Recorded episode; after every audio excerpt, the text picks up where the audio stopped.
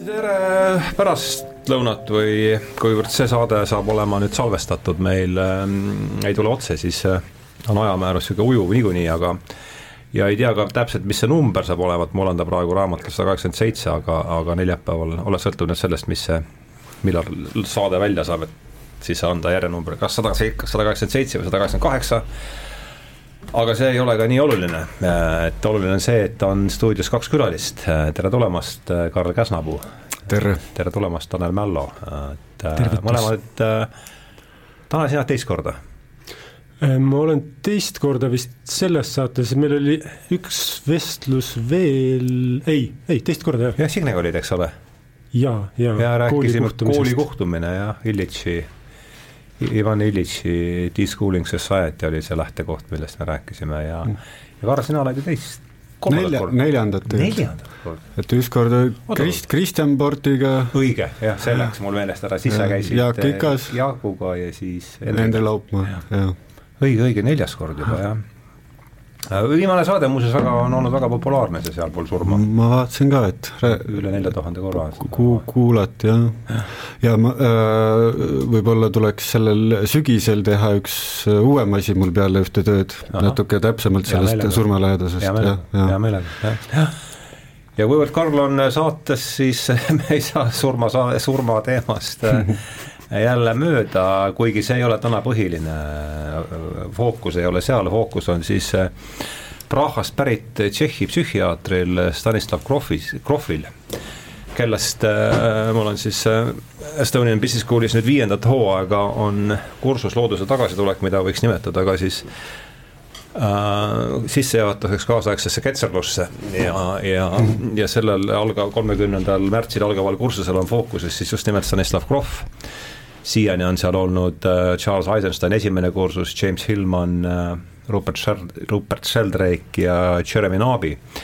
et mul on väga selge isiklik huvi ja mm. olen teile väga tänulik, et äh, on võimalik rääkida sel teemal täna ja ja nii, et fookus on Krohvil, kes on eesti keeles esindatud siis viie raamatuga. kas see kronoloogia on siis selline, et tulevikupsühholoogia oli kõige esimene või? Tanel, sina tead no, seda kõige paremini. vist eesti keeles väljaandmise mõttes küll. jah, ma räägin eestikeelse välja, jah, jah. Enda ei, kindlasti mitte, jah. daatumeid ma küll peast ei tea. tulevikupsühholoogia on ikkagi pigem lõpust, kus ta juba, nii palju ma tean küll jah, et ta on sealt äh, jah, ikkagi pigem äh, sealt ta tõmbab kokku juba asju, ta on erus mm, ja. teeme Vikipeedia lahti, vaatame järele aga jah, mitu korda, mitu korda vaadanud, aga see ei ole vist kõige see ei ole ka oluline praegu, et viis raamatut on siis eesti keeles, osad on seal, äh, neli neist on Taneli juures seal äh, ka lahti või laua peal, et tulevikupsühholoogia, kui sünnib ilmvõimatu, holotroopne hingamine, kosmiline mäng ja see, mis nüüd ilmselt haakub Karli teemaga kõige rohkem, on siis viimne teekond, et äh, jah. et ega ma ei tea, teeme veel, unust-, öelge veel enda kohta paar sõna ja siis ma äh, ütle sa enne, siis ma panen koos algava jutuga ja, kokku, et miks mul Krohv äh, teemas on. aga võtamegi siis võib-olla niimoodi, et mina ja, mina ja Krohv, et kuidas sattusite üldse see, kuida-, kuida-, kuidas, millal see nimi üldse esimest korda teieni jõudis mm, -hmm. oleks ka jutt teha? Okei see on väga kergendav, sest et ma mõtlesin, et missugust isiksust ma esindama peaksin, aga ja. see piirav küsimus on väga lihtne. Minu tutvus Stanislav Grofiga algas umbes aastal kaks tuhat üheksa, kui kui ma võtsin vastutuse meeldiva kohustuse anda välja neid samu raamatuid Eesti transpersonaalse mm, psühholoogia assotsiatsiooni alt, mille hulgas siis Krohvi tööd olid, eh, olid aktiivselt esindatud ja, ja selle tegevuse käigus eh, mul on olnud suur õnn ja au ka autoriga isiklikult suhelda natuke. oled seda ka näost näkku kohtunud? aga ma ei ole temaga näost näkku kohtunud küll ah., aga olen rääkinud Skype'is ja telefonis mm, -hmm. et ja ka nüüd veel kaks aastat tagasi, kui ta Ehm, oli see viimane kord, kui me suhtlesime, kui ta on eh, nüüd olnud juba tõsiselt eh, insuldijärgne, aga kõik oli väga, väga terava taibuga ja lihtsalt eelistab. ta on selge, hästi varanenud sellest, eks ole. no eelistab mitte, mitte laivi teha -hmm. tingimata, vaid, vaid äh, olla, olla toetatud mm. -hmm. aga jaa, väga, väga vahva, imeline, et selline inimene on tänaseks ettevalmistuseks, lugesin kosmilise mängu sissejuhatust ja natukene meenutasin seda suppi, mhm. mille sees see Stanislav Grof on siis algusest peale supelnud koos teiste nimedega, keda, kellest osad ka, ka sinu kursustelt läbi on käinud tegelikult. et siis see on ikkagi väga uhke uhke kraam, uhke frikadell on see Stanislav Grof, kes, kes, kes sellest supist meile siia lauale on, on tulnud, et tasub kindlasti uurimist kõigil neil ka, kes ei ole veel, kes ei ole veel seda teinud. kõik? jah. kõik? ja no küllap ma jõuan, ma mõtlesin, praegu mõtlesin, luge-, siin ette valmistades lugedes, mõtlesin, et ma olen ka taustalt psühholoog äh,, küll treenitud väga bioloogilises äh, žanris äh, neuropsühhofarmakoloogias, kus ma sain juba viisteist aastat tagasi doktorikraadi, siis nüüd neid tekste niiviisi kümneaastaselt distantsilt üle lugedes mul tekkis tunne, et need ei olegi enam võib-olla nii ketserlikud tänapäeval, kui nad olid siis kümme ja viisteist aastat tagasi, kui kui see, et me neist üldse räägime tooma, siin praegu ikkagi jah, Kuku raadios on iseenesest märk millestki. jah. Ja, on suured muutused aga mina vaatasin, mul on ta, ta on nende noh, surmale tähelepanu pööranud tegelikult jube ammusest ajast, eks ju, ja siis ma alles hiljuti vaatasin üle, et see kos-, viimne teekond on tegelikult kaks tuhat kuus kirjutatud, ma kuidagi mäletasin, et see on varasem, et kuidagi noorena olen Krohviga, psühhedeelikumid ja surmakogemuse sama lugenud, aga tegelikult ma vaatangi, tal on isegi kaheksakümmend üks on mingisugune kas kaks tuhat kuus oli inglise keeles see jah, just, es, esma esine, esma väljatulek, eks mm. -hmm. ja eesti keeles kohe seal kaks tuhat kümme või lähedal seal kuidagi kähku tõlgiti. aga et tal oli kaheksakümmend üks on Beyond Death kirjutatud ja isegi seitsekümmend seitse on tal mingisugune teos The Human Encounter with Death mm, -hmm. et võib-olla ma noorena kuidagi neid vanu teoseid võib-olla internetis mingid PDF-id, et mäletasin, et tema kihvtilt pani tähele asju ja nüüd siis selle tänapäeval, et kui ma neid äh, surmalähedasi kogemusi vaatan, eks ju, ja, ja, ja mul et tema enda lugu, okei okay,, seda ka võib-olla natukese aja pärast öelda, et ta ju tuleb, eks ju, sellest pragmaatilisest äh, Tšehhist, nagu ta ise ütleb, ja vanemad hoidsid eemale religioonist, see oli ka lahe lugu, kuidas vanemad yeah. solvusid selle peale, eks ju yeah.. ja, ja, ja siis tema esimene niisugune kokkupuude, kus ta selle wow,, et mingi suurem äh, jõud mängib ka rolli, oli see, et kui ta ise oli siis esimest korda saanud seda LSD, LSD, eks ju, kas see, mis see ravimifirma oli, see Sandoz, Sandoz, jah, et need saadisti talle, kui ta Prahas veel oli ja ja siis ta hakkas jah tähele panema neid ühiskohti, nagu ta selles viimase, viimses teekonnas jube palju toob välja neid nagu, et küll need vanad äh, ütleme, pärimuskultuurid igasugused, kui palju on seda kasutatud ja võib-olla surmaga tuttavaks õpitud varem, võib-olla siirderiituste ajal, aga mõned ka nagu varasemalt, et sealt üle piiride näeb nagu siit maailma piiridest välja ja, ja, ja, ja kõik need äh, surmalähedaste kogemuste inimeste lood ikkagi nagu samu tähelepanekuid täis, eks ju, et seal äh, on palju niisugust ühisjoont, ütleme, et siis siit teadusseisundis väljaspool katsumine mm. -hmm. et seda ta on jah hästi tähele pannud, et sellepärast ta mul on ikka ette jäänud. no üks põhjus, miks see, see surma ja viimse teekonna teema ilmselt äh, nii varakult äh, äh, Krohvi töödesse ja huviorbiiti tuli, oli see, et kui ta veel oli Tšehhoslovakkias ja, ja tegi LSD-ga hulga psühhedeelseid uuringuid siis, kui, kui see oli veel võimalik viiekümnendatel, kuuekümnendatel, siis, siis üks fookusgrupp olidki terminaalsed vähipatsiendid, kellel ja. siis psühhedeelsed USA-s, USA-s merevendlased jätkas ka, aga et noh, on selge siis, et, et nende inimeste jaoks, kes olid suur niisugune eksperimentaalne grupp, tema jaoks, et nende jaoks see surma surmateemaga tegelemine ja sellega seotud hirmude ületamine, selleks, selleks valmistumine oli ka väga keskne teema, nii et see lihtsalt tuleneb ka sellest materjalist, millega Krohv töötas, et Just. et see, et see niiviisi suurelt pildis on, äh, mis, mis ei tähenda seda, et, et see oleks kuidagi marginaalne teema, millega, millega ei peaks tegelema, et kahtlemata kahtlemata see on üks kõige tähtsamaid asju, mis, mis me, mis meil elus ees seisab, ees seisab kõigil. Et tasub nagu tšekata. Ja nad olid julged seal teised ka, ma tean, et tema ka pani tähele, tsiteeris Beckerit, eks ju, ja siis nad kuidagi mõlemad olid sellel seisukohal, olid öelnud, et kas sa Beckeriga on kokku ka puutunud või? tahtsin ka teada, kas on, aga ei tea, ei saanud lihtsalt sellele Becker oli Ernst, eks ole? jaa, Ernst Becker, seitsekümmend kolm tuli temal see, üks tema see suurim raamat ja, ja samal ajal juba oli ju äh, Krohv USA-s mm. -hmm. aga nad oli, neil oli see mõlemal see point, et surma eitamine on ühiskonnale ohtlike tagajärgedega, et see on ühiskondlik patoloogia, eks ju, sellel ajal see oli väga, see oli ka nagu noh, niisugune nii-öelda ketserlik või noh, julge asjaga tegeleti, kuigi siis just hakkas see avanemine, aga, aga need, ta ise jah, ma olen mingeid intervjuusid ka ikkagi lugenud ja vaadanud, et ta ise nende teiste inimeste teiste inimeste kogemustest neid äh, sisuandmeid kogunud ja siis tema enda kogemused, et noh, tuligi seesama asi jah, et see on oluline, see ongi, et see on nagu toitu on ühiskond, kes seda äh, arvesse ei võta, mis on see nii suure tähtsusega asi, et, et, et selle poole liikuma hakkas, jah kuivõrd äh, see tundub olevat selle teemaga seotud, et siis ma hea meelega kuulaksin ja, ja, ja ma arvan, et eelkõige seepärast, et äh, raadiokuulajatel võib see, et räägi palun, sina hakkasid ju, me kõik hakkasime pihta ju dialektilisest materjalismist enam-vähem, eks, et, et et see, et see, et mul üldse mingi maailmavaade on, see jõudis minuni, ma ei tea, võib-olla parimal juhul kümme aastat tagasi, kui sedagi, eks, et et mõlema puhul, sa, alustasid, nagu sa ütlesid, see viisteist aastat tagasi doktorikraad äh, selles masinlikus äh, psühholoogias, et räägi palun, visanda niimoodi, et mitte väga pikalt, aga et,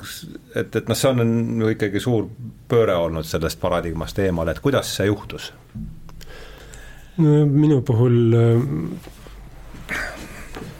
noh, saan kirjeldada hästi mehaaniliselt seda, see, see välisjõudude, välisjõudude mm, mõju all toimus see suuresti. et ehm,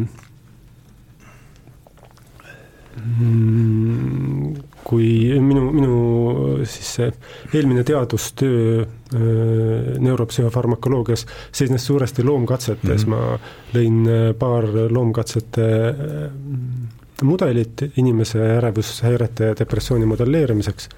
ja siis äh, peamiselt noh, kõige konkreetsemal eesmärgil selleks, et, äh, et testida uusi ravimikandidaate nende samade häirete leevendamiseks inimesel. ja see tähendas hulka loomkatseid ja, ja hulka ähm, selliseid loomkatseid, mis, äh, mis loomade jaoks lõppesid osutusid viimseks teekonnaks nii-öelda mm, -hmm. mis kõik kokku andis selle, et tundliku natuurina, kui doktoritöö sai tehtud, siis, siis ma tundsin, et, et väga palju kannatust tõi see töö minu ellu ja teiste elusolendite ellu ja et ma enam ei soovi sellist teha, sellist tööd. ja, ja mul tekkisid ka noh,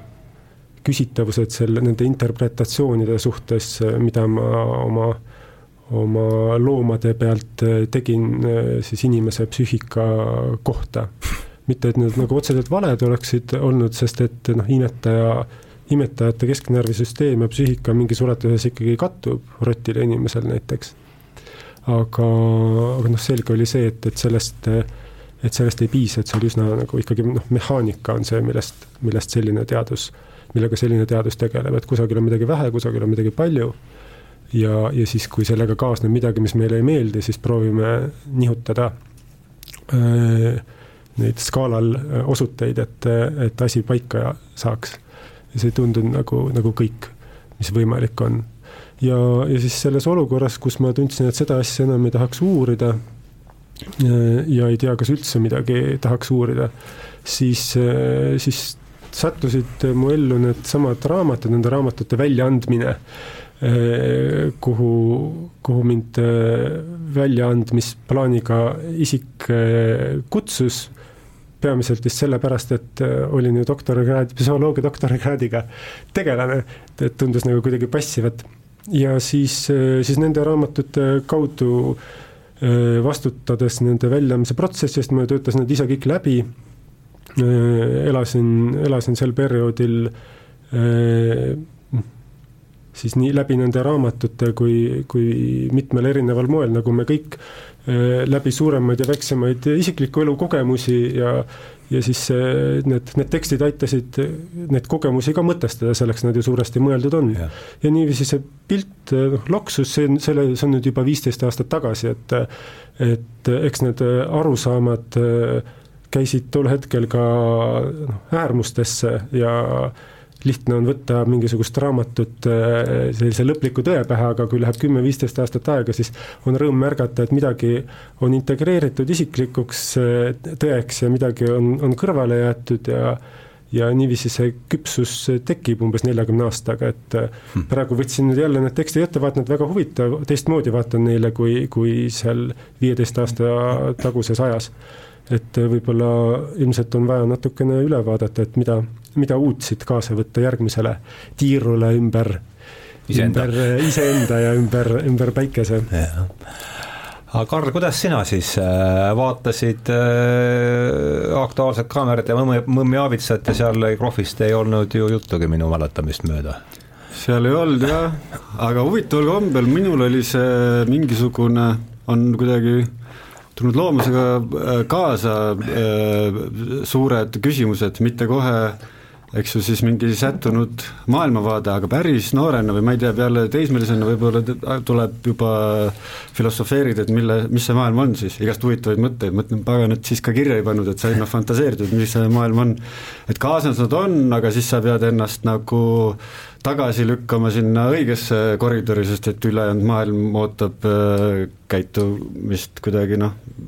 selles normaalses ähm, materialistliku filosoofia järgi. tule vastu, mis aasta mees sa oled? Äh, kaheksakümmend.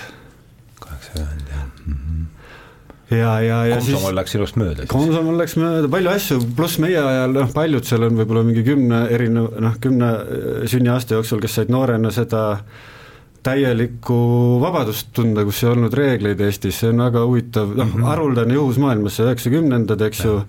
vana, ja mina käisin veel koolis, ma ei mäleta, mis klassid seal täpselt, aga et õpetajad ka, et üks päev kunagi oli olnud nagu kord, et niimoodi peab käituma, teine päev nad isegi ei teadnud, mida nõuda võib, vaata, eks ju, et et kas laps võib nüüd vabalt rääkida või ta ei või või kuidagi maailma korravahetus, eks ju. ajalooõpikute vahetus. ajalooõpikute, seaduste vahetus ja korra oli see nii vaba, noh, kogu see nagu keset tõeminutite kõnet. jah, ja, ja, ja mõtle, see kasvab meile sisse see, et sul on nagu maailm, kus sa saad, noh, on nagu vaba mõelda, sul ei ole, samamoodi ei ole nagu sättunud mingid poliitilised vaated, sa isegi ei tea mingit parem-vasakpoolset vahet, vaata kuskil on see välismaa, seal on vaba, vaata sinna saad ja see tuleb äh, niimoodi sisse, et see on päris huvitav nähtus või noh, väga-väga haruldane. ja suht, noh, igast palju halba ka juhtus, et niisugused äh, Päti värk ka oli nagu suur, eks ju, aga aga, aga üldiselt see inimestes äh, jäi sisse, ma ise olen hiljem jah, kuskil teiste ma juba noorena välismaa ülikoolides ja USA-s, kellega seal rääkisin kahekümne 20 kahekümne ühe, kaheaastaselt, et siis äh, said aru, et sul on kogemata sisse kasvanud niisugune lootus, et asjad lähevad paremaks, vaata, noh, mingist ilgest jamast sai nagu mingi asi korda ja, ja, ja see jääbki eluks ajaks kaasa mõjuma. Ja nüüd hiljem ma olen õppinud ka kuidagi surm äh, surm, ühiskondlik trauma, päris ägedad äh, nagu teooriad sellele ehitatud, et kuidas noh, mõned äh, rahvad on mingil ajastul tundnud täielikku vägistamist, eks ju, et siis see jääb ka nendega eluks ajaks kaasa, et noh, ja meie vanavanemad on ka seda tundnud, aga et kakskümmend sajandil ju seal on neid, meil näiteid toodi seal Hispaaniast ja Ladina-Ameerikast palju, eks ju, Franco ajal ja küll seal jäid inimesed teadmata kadunuks ja massides ja, ja tänapäeval siis proovitakse rehabiliteerida, et kas või pika aja tagant kaevatakse neid massihaudu välja, pannakse igale luukillule äh, nimi peale, eks ju, mingit DNA test, et päris palju raha pannakse sinna, aga et see on jube tähtis, et sellest kunagisest nagu ütleme niimoodi, väge äh,, rahvuse vägistamiskogemusest üle saada, eks ju mm, -hmm. et meil praegu on siin taustal nagu rahvuslik niisugune võidukogemus, eks ju et need on erinevad, aga see selleks, aga ma ei tea, mul olid jah, need suured kuidas sa siis ikkagi Krohvile selles mõttes, et mille, millal esimest korda nimi sulle minu arust ikkagi seal üheksakümnendate lõpus, kahe tuhandendate alguses ja ma ütlen, ma ei mäleta sa olid siis kahekümnene midagi? jah, ja mi-, mis see tekst oli, ei mäleta, aga jube kihvtilt, et siis oli ka, siis ütleme, meie maailmas oli osanud nii hästi ja nii noorena ka vahet teha, ma õppisin õigust ka algul. ah hoopis, eks ju, aga et temal vaata siin Viimse teekonna alguses see tsitaat, kuidas ta läheb, et seda vanasti, vaatasin vanades intervjuudes ka ikka intervjueeriti välja alati, et see, ta hakkab rääkima, et lääne teaduse ja selle monistliku materialistliku filosoofia järgi on universumi ajalugu sisuliselt mateeria. areneva mateeria ajalugu, eks ju. et elu, teadvus ja intelligentsus on selle arengu enam-vähem juhuslikud tähtsusetud kõrvalprojektid, et ma mäletan sellist nagu pointi talt juba sealt ka noorena, et vaatasid jube kihvt, eks ju, et keegi vaatab nagu kaugemale, mul ka mingit religioosset tausta pole, aga nagu suured küsimused, et mis see maailm on ja kuidagi see võib-olla oli niisuguseid müstilisi kogemusi juhtunud endal ka siis juba, kus natuke mingi, midagi nii veidrat vaata juhtus, et sul tekkis neid küsimusi ja ja, ja, ja tavaliselt see enda kogemuste pealt tuleb, eks ju. täpselt nii, jah ja. ja.. ma mõtlen, et seesama, mis Tanel tõlkis, see Kui sünnib ilm võimata, ma ütlen ilma igasuguse äh, liialdused, et kui mul oleks keegi viisteist aastat tagasi selle raamatu pihka olnud, ma oleks seda hammustanud, seda raamatut päriselt ka, noh. sest see tundub ikkagi noh, niivõrd, et et mis see nüüd siis on, eks. no mis põhjusel sa oleks hammustanud teda? no selles mõttes, et see on mis... niivõrd vastuolus sellega, mida ma üldse noh, see ei ole ju spordiuudiste rahvusvahelise panoraami, mis saated me, täiesti, punkt üks sellega täiesti vastuolus äh, ja punkt kaks, puuduvad igasugused isiklikud äh, kogemused ja, ja noh, ma arvan, et see on palju ja see on ka põhjus tõenäoliselt see, miks äh, ta, ma olen sinuga täiesti nõus, et ta ei ole enam nii ketserlik kui viisteist aastat tagasi ja me räägime praegu, kuigi osa sellest jutuajamisest läheb Kuku raadiosse, eks. aga, aga noh, see on see põhjus, et ta on ikkagi noh, nagu sealsamas kosmilises mängus äh, on see, et, et ta ei tea ühtegi inimest, kellel on holotroopsed kogemused, need holotroopsed, millest võikski olla nüüd järgmine mm -hmm ring peale teha, et, et kes pärast neid usuksid veel sellesse juttu, mida noh, mida siis meile, ma ei tea, noh sellesse sisuliselt de, de facto dogmasse, millel kogu see asi siin äh, püsib. aga huvitav on tegelikult, kui noh, ma ei olegi selle peale mõelnud, mis nüüd juhtunud on need viisteist aastat, et äh, noh, praegu, kui ma selle raamatu eile lahti tegin ja vaatasin sinna sisse ja, ja tundsin seda, et, et asi ei olegi üldse enam nii äärmuslik, et siis ma, ma küll ei peatunud, aga võib-olla peaks praegu peatuma, et mõelda, et kuidas see viisteist aastat siis möödunud on, et mis, mis meid ümbritsevas internet, maailmas internet, Youtube, ma arvan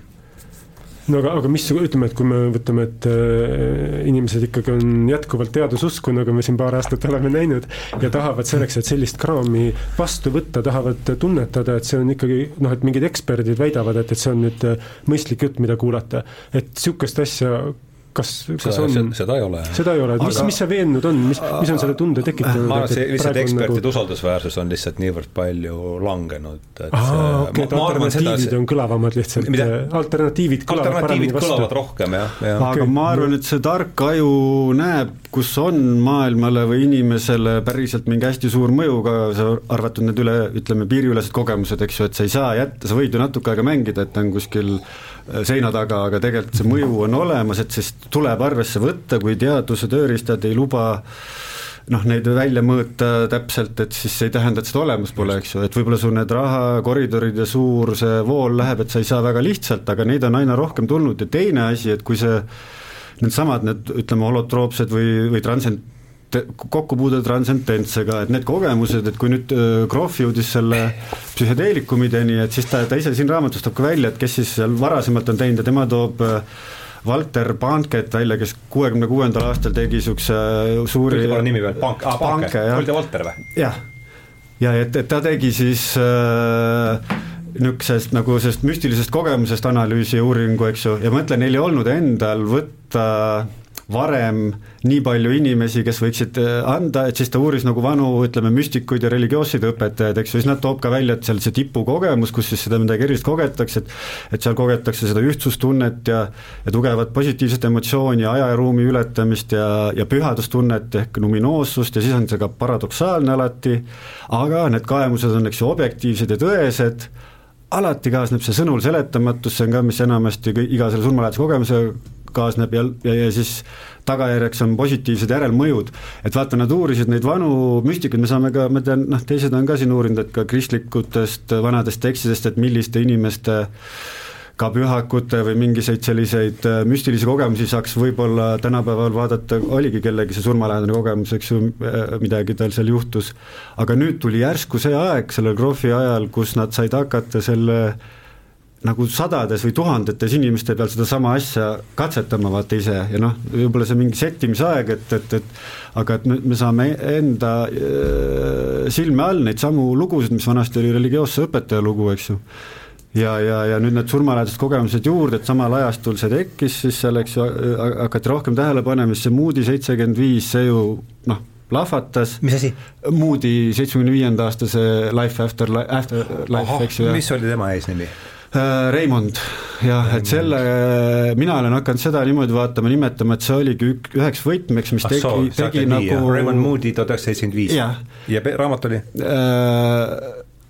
Life after life või kuidagi nii, elu pärast elu, jah. ta pidi ja. olema siis, eks ole, mingi pagunitega tegelane, kes äh... tema oli ka, kes psühhiaatriast ja. tuli, igatahes doktor oleks ta olnud mingi niisugune loitsukeldritagune tegelane, siis ei, ta ei oleks õige vend ja ta oli seal ka selles äh, Virginia ülikooli juures ja tema, te, tema mm -hmm. pani selle termini, eks ju, see surmalähedane kogemus, near death experience, tema esimest korda pani selle termini üle võib tänapäeval ka küsimusi, noh, et võib-olla võiks termin kuskile paremaks muuta, aga aga ühesõnaga see oli nii võluvalt lõi nagu pähe, et siis hakkas nagu lihtsamaks minema surmast rääkimine peale seda, et ta on selleks võtmeks, noh. nii et sa ütled, et see on nüüd inimene ja teos, mida, kelles, mis vääriks võib-olla eraldi saadet, ma saan aru, see sinu jutu põhjal praegu? võib ka olla, minu arust ta on liiga tavaline juba, aga ei kindlasti. Ja võib panna mõne juurde sinna jah, aga ta on, ta on mingi ikka epohhiloov ikkagi. jah, ja, ja tänapäevaks on mingi viisteist miljonit kopit müüdud ja ta on niisugune siiamaani, noh muutis maailma, peale seda hakkasid Beatlesid surmast laulma, hakati mingit Tiibeti surnute raamatut tähele panema, hakati äh, kultuur, film, kino, raamat, fantaasiad, kõik asjad. Ja ka, et see hull tabu, mis surma ümber oli, noh, võttis veel aega, et edasi läks, aga see avas nagu selle jutu. Ja eks ju seitsekümmend viis avaldas, see Kalif-, räägitakse California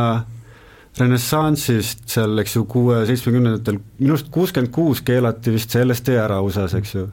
et siis see Groff kas juba siis? juba siis ja Groff selle Hopkinsi ülikoolis kuuskümmend seitse kuni seitsekümmend neli, need, see oli ainus koht USA-s ja mingi imeliku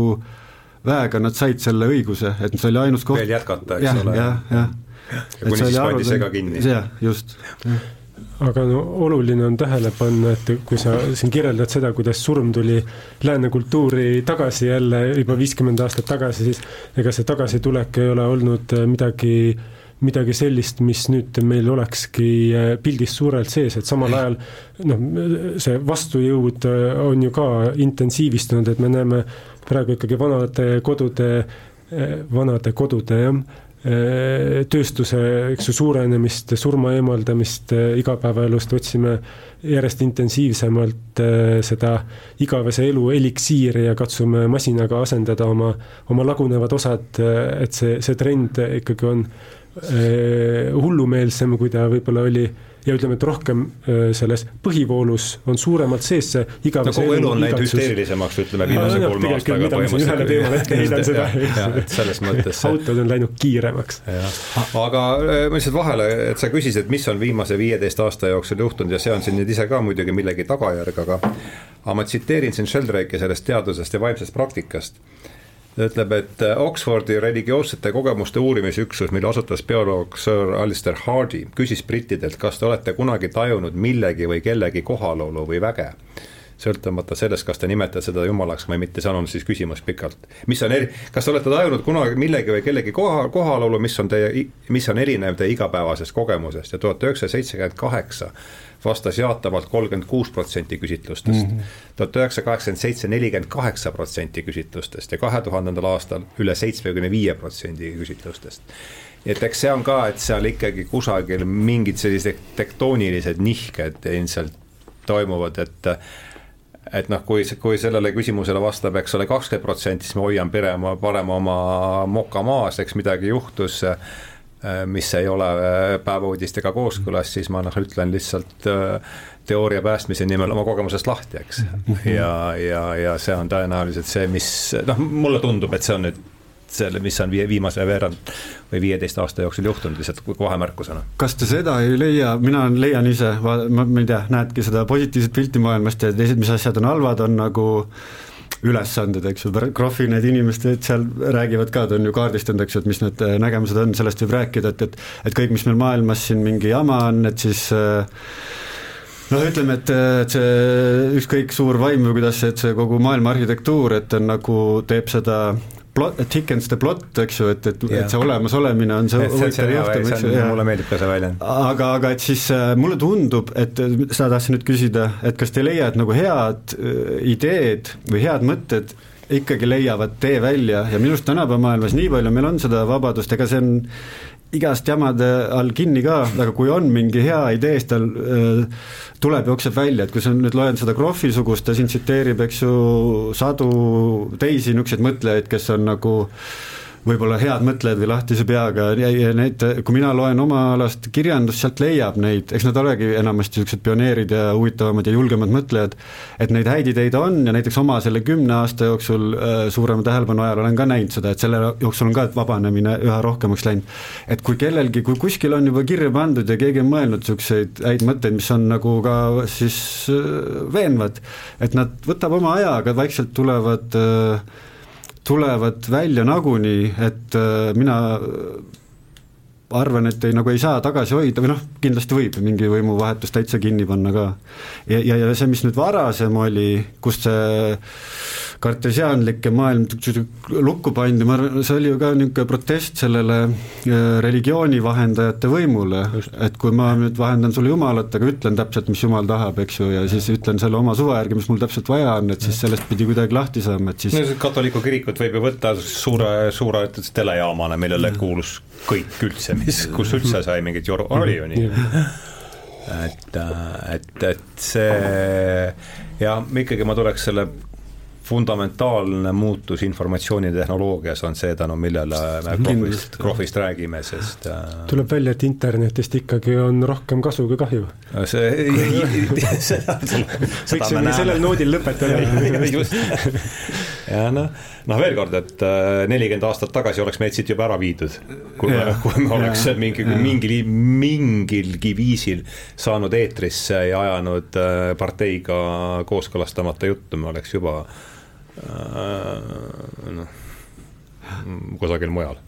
aga sina olid selles, meie siin selle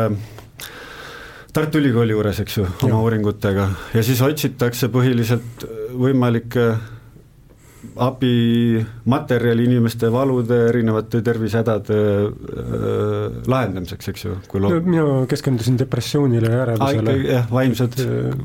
meelelahäired üldisemas mõttes. räägi sellest, noh, me ei saa minna siin äh, ju väga üksikasjadesse, aga kas seda mudelit on võimalik kuidagi niimoodi nelja-viie-kümne minuti jooksul lahti selgitada, et kuidas see, mis see raamistik seal all oli? Mudelid siis, et kuidas no, nii-öelda materjalistliku teaduse järgi ja, käsitleda meelelahäireid. kuidas me nüüd jõuame rotist minuni siis, et mul läheks nüüd no,, ma olen neid antidepressante krõbistanud küll, läks nüüd ja. küll mitte väga kaua enam mitte, aga. no selleks ei ole viite või kümmet minutit vaja, et ja, ja ma noh, eks ju full Eh,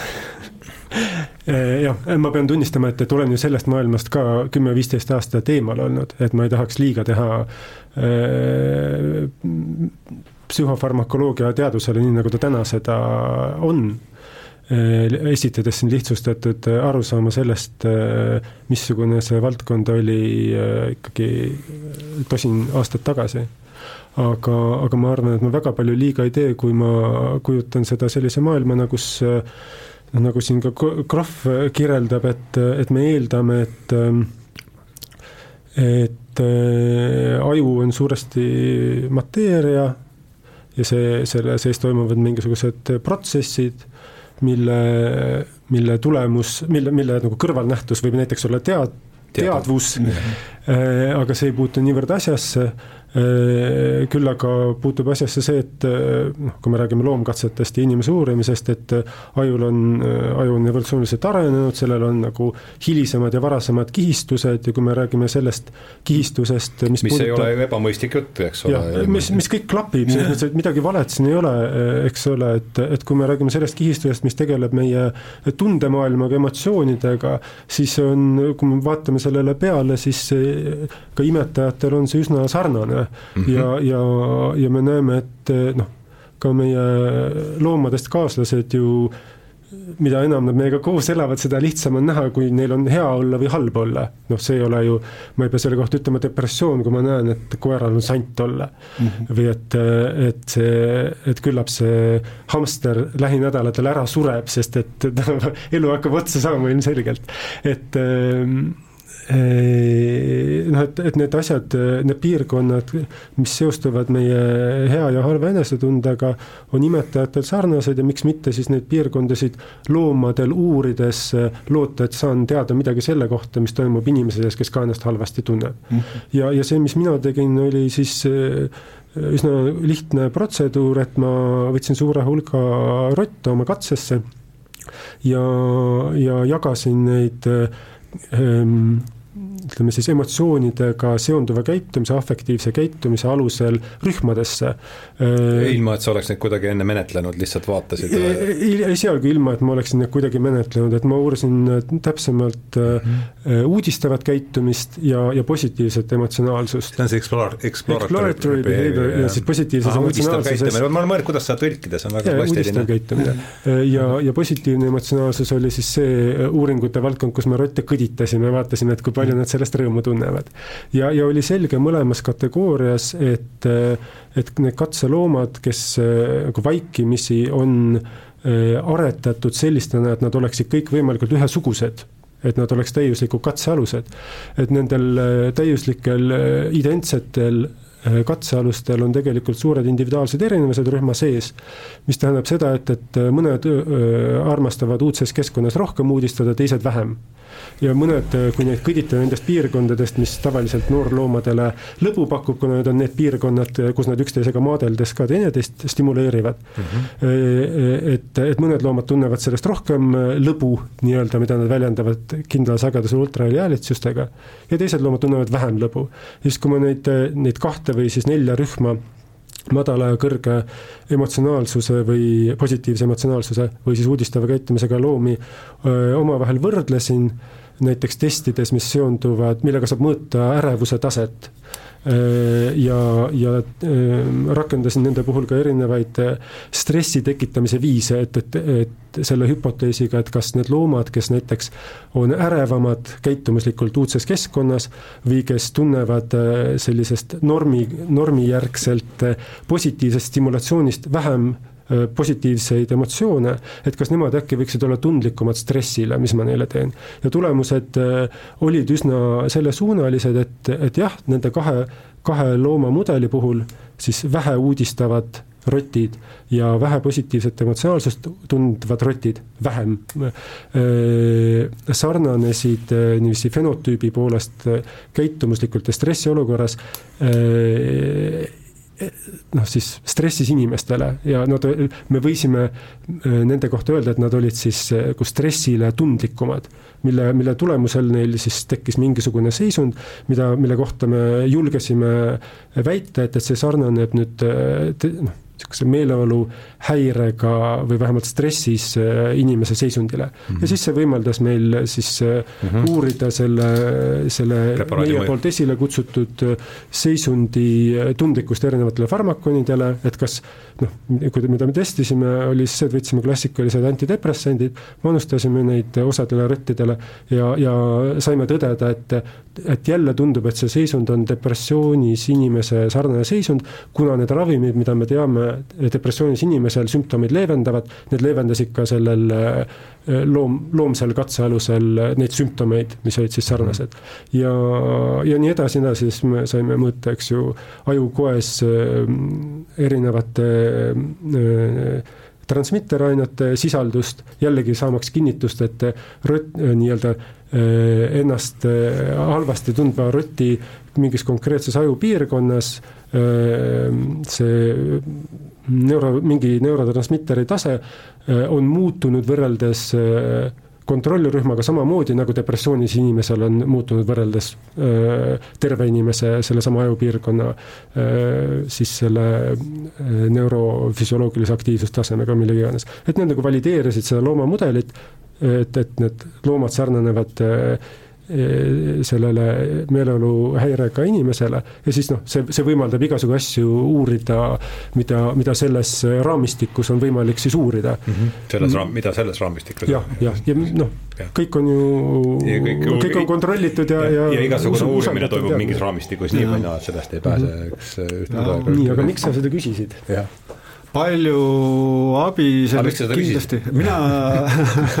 võib-olla keegi, keegi küsis veel vahele, aga mis ma mõtlen, mis on noh, kihvt ja see vist, see point ka juba kuskilt noorena hakkas meeldima, aga et kuidas see Krohv ise ütleb, et noh, tegelikult ongi ju kõike, mis me saame aju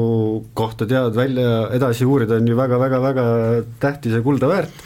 aga et siis noh, et praegu veel ja tema ajal eriti ei saanud kuidagi paika panna, et, et kust see teadus tuleb siis ta teeb ikka seda, ma mingi intervjuudes mitu korda näinud, kus ta ütleb seda, et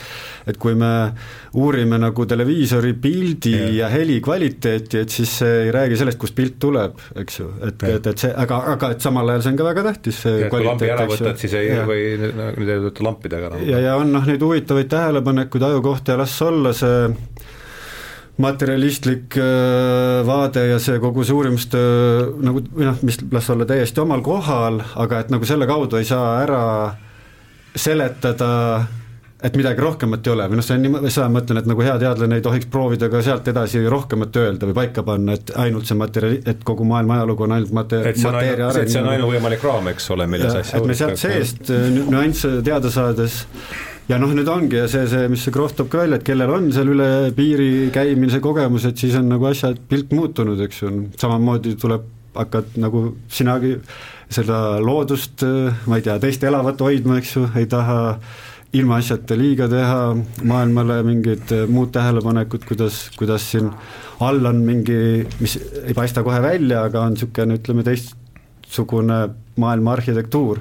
et see mulle meeldib, et siin raamatus vahe, tegelikult mõnes intervjuus võib-olla huvitavamalt on see, või lihtsamalt on Krohv rääkinud, et kuidas ta siis kaardistab nende tuhandete inimestega, vahepeal siis tulevad need holotroopse hingamiste inimesed, algul nende psühhedeelikumidega, et äh, kaardistab neid, äh, mis sisu nad on siis näinud, et mõned mõtlejad veel küsivad ise nende selles olekus, sa oled seal sügavas olekus, tead veel ja siis nagu esitavad seal ka küsimusi, et, et, et mis siis toimub või mis see kõik on või mis ja siis kihvtilt nagu paljud räägivad, et see, et nagu sellest kõigest suurest pildist arusaamise tunnet küll tuntakse seal, aga see ei ole nagu niisugune asi, mille sa siia saad kaasa võtta, esiteks noh, meil ei ole seda keelt, mõtte siin, siinse keeleruumi piires ei, ei saagi seda asja väljendada, pluss see kuidagi läheb siis meelest ära, aga sa tead, et sa oled kogenud kõigest arusaamist. aga siis mingeid väiksemaid nüansse jäetakse, eks ju, meelde ja seal on igast huvitavaid lugusid, et mi-, aga miks see kõik või ah,, et see on minu arust äge, et selle kogu reaalsuse asja, et meie ja siis, kus me siin praegu sees oleme, selles maailmas, et see äh, järgi, ütleme, teadus ja me uurime seda, et äh, et kuidas äh, kõik äh, tehtud on, oot-oot, ma mõtlen, kuidas, et, et äh, tema ütleb, et sealt nii paljudest juttudest kokku saab, et see pigem see küsimus on see, et see, et kuidas inimese kogemus loodud on, et mingis mõttes see on meie illusioon, et kõik on nagunii olemas, siis see inimese kogemus on ja noh, kogu selle mateeria olemus, et kui maailm on suur-suur ilma selle maailma ütleme selle teadvuse raamest väljaspoole vaadates on nagu hästi palju, võta kas või see kosmoseapp ja hästi palju, eks ju, tühja ruumi, see, et siin see mateeria niimoodi kokku on pandud, et me oleme olemas ja nii edasi, et see on hästi peene eriline koht, eks ju, ja siis see päris nagu olemasolu küsimus on see, et väga huvitav, et kuidas see, selle mateeria äh, kogemise lugu on tehtud, et me oleme siin oma nende eraldi teadustega, seda saame kogeda, et sealt kuskilt on see nagu suurem peamine küsimus, et äh, millest kõik koosneb ja ma arvangi, et see, ja see on võib-olla ongi üks koht, kus üks laud, kus edasi sikutada seda planku, et ähm, seesama kogemuse mõiste siin äh,. selles samas loengus Cosmic Game vist, mis tal on, tal on mitu neid seal, aga ta ütleb lõpus väga mõtlema paneva sellise lause, et et astronoomia ei ole teadus, mis uurib tähti, vaid mis uurib meie kogemust tähtedest. jah, vot nii, seda see on väga-väga äh, huvitav, äh, et mida, kuidas teie, see, see rabas mind isegi pärast seda, kus ma olin teda palju-palju kuulanud ja ja selle mõttega ju harjutanud, aga ja võib-olla sellepärast ta mind rabaski, et kuidas ja, ja veel kord, et noh, ma ei tea, mis teadusi meil veel on, astronoomia. ta jah, seesama, ma seda tahtsin sama öelda, et majandusteadus, et majandus uurib me, me, meie kogemust. või ikka okei okay,, astronoomia on parem, aga ma ei tea põhimõtteliselt jah, et kuidas, et kogemus pole, et ah, jah, vot niimoodi oli ka ühes kohas lühilause, et koge-, asi pole selles, et millest mateeria tehtud on, vaid et kuidas Mida on kogeme. mateeria kogemine äh, tehtud või kuidas on loodud. mis sina, Tanel, arvad sellest lausest, et astronoomia ei ole teadus, ei uuri tähti, vaid meie kogemustähtedest, et see tundub olevat ikkagi päris oluline äh, nihe? no eks see, eks see viitab sellele, et äh, kui me räägime teadustest, siis äh, teadus alati tähendab mingisugust äh, noh, uurimisaparaati, metodoloogilist ähm, siis lähenemist sellele uurimisobjektile ja, ja mm -hmm. see, millise meetodi me valime, see ju Just. annab, mõjutab väga palju tulemust, eks ole, ja, ja mida mida äh, siis Stanislav Grof äh, oma äh, aastakümnete pikkuse tööga on, on soovitanud ja nüüd tal on ka, tal on ka paar artiklit, mis, mis kannavadki enam-vähem pealkirja, et äh, psühholoogiateaduse uuendamisest Äh, et, et see, mis ta teinud on. tulevikupsühholoogia on osa raamat, eks ole, sellest. jah, nojah, eks ole, et, et see, mis ta, mis ta ette paneb, on ikkagi teatud äh, kategooriate, äh, teemade ja, ja kvaliteetide lisamine psühholoogia teadusesse, et et see, mida psühholoogiateadus käsitleb, oleks terviklikum ja kõik hõlmav, hõlmavam. Ehk siis, et mis, mis noh, teisisõnu tähendab siis äh, psühholoogiateaduse, teadusliku ja metodoloogilise aparatuuri mm, haarde laiendamist lihtsalt. et need äh, nii-öelda uurimisobjektid, mida vaadelda ja siin me peame lõpuks jõudma nende holotroopsete seisundite Just, juurde, mille, mille uurimine suuresti on, on Krohvi töö olnud ühte-teistpidi ja, ja siis nendest, nende seisundite uurimisest Äh, siis empiirilise materjalina äh, sellest tulenevad äh, järeldused, mida saab siis teha nende, nende kategooriate kohta, mida me oleme harjunud käsitlema siis, kui me käsitleme seda, kes me oleme, mis see maailm on, mis meid ümbritseb ja missugune meie suhe selle maailmaga on, ehk siis et, et äh, missugune on meie see isiklik aparatuur, millega me läbi elu püüame ennast äh, pressida ja seda maailma tunnetada ja, ja vastu võtta, et see, mis, millega me oleme harjunud, selle aja ja ruumi tegelastena, kust me, kust me tuleme, on ikkagi suhteliselt noh, ei tahaks öelda piiratud aparatuur või piiratud kontseptuaalne raamistik, aga, aga noh, me näeme, et, et no, igasugune mudel, igasugune mudel on paratamatult piiratud. aga et, et suured kategooriad on puudu, mis seostuvad siis äh, nende selliste äh, no lihtne öelda, vaimsete või spirituaalsete kogemustega ja, ja nende mõtestamisega, nende, nende lubamisega äh, äh, olla oluline osa meie, meie elust mm. -hmm. ja noh, ja siis seda rada mööda nagu natuke tagasi tulles, ütleme nende niisuguste piiri, piiriüleste eh, spirituaalsete kogemuste juurest, noh siis me, see, see ei ole ju eh, see, see on ju pidev, pidev telg, eks ju, see, et eh, noh, lõpuks me jõuame igapäevakogemuste juurde nende äh, ütleme siis ähm, on spirituaalne kogemus, siis võib-olla lihtsalt mingisugune ühisosa tunnetus teise inimesega või loodusega, jalutad looduses, loed Jaan Kaplinski luuletusi ja, ja tunned, et äh, mingi värk on, on päris õige, eks ole. ja, ja noh, teise inimesega äh, ühisosa tundmine kas või, kas või armastuse või, äh, või see, selle tunde läbi, mis me kogeme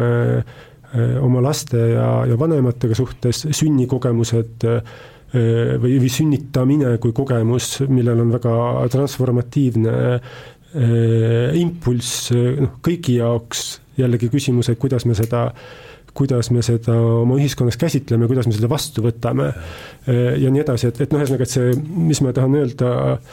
on see, et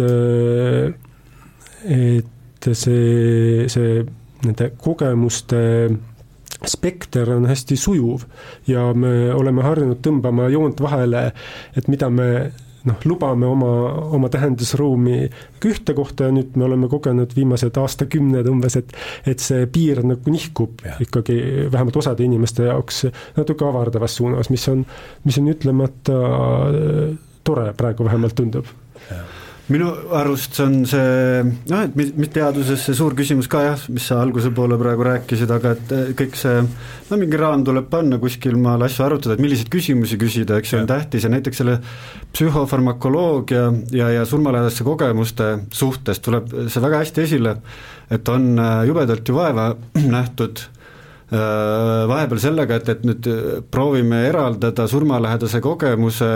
võimalikest muudest mingi hallutsinatsioonidest, eks ju, ja siis, kui on need noh, kes need on neid uuringuid seal kakskümmend sajandi lõpus veel teinud ja kõik ainult niisugused täpselt kaardistatud haigla haiglavoodi äh, epikriisi järgi need uuringud siis ka, et noh, mis ained saadud, vaata, et proovime eraldada, et see nüüd on kindel surmalähedane kogemus, mitte mitte siis mingite muudest ainetest tulenev, kuigi ja nüüd tänapäevaks on päris palju ka te-, neid küsimusi leidub kõike, noh, leidub neid küsimusi ka, kes siis vaatavad seda niimoodi, et needsamad mõned äh, ained võivad inimese aidata samasse seisundisse, eks ju, nüüd leiab ka teadusartikleid, kes äh, proovivad võrdsustada, et ketamiiniga saab samasse kohta, kus surmalähedane kogemus on, võib-olla mõne muu substantsiga. Ja, ja, ja siis äh, et mulle tundub, et need noh, sihuke, sihukese äh, teaduse tegemise tee peal, need on kõik, mõned tunduvad juba päris nurgelised ja puised küsimused, aga ütleme, et selle peab läbi käima tasapisi. et võib-olla me räägime sellest, et lihtsalt, et selle siinse teadvuskogemuse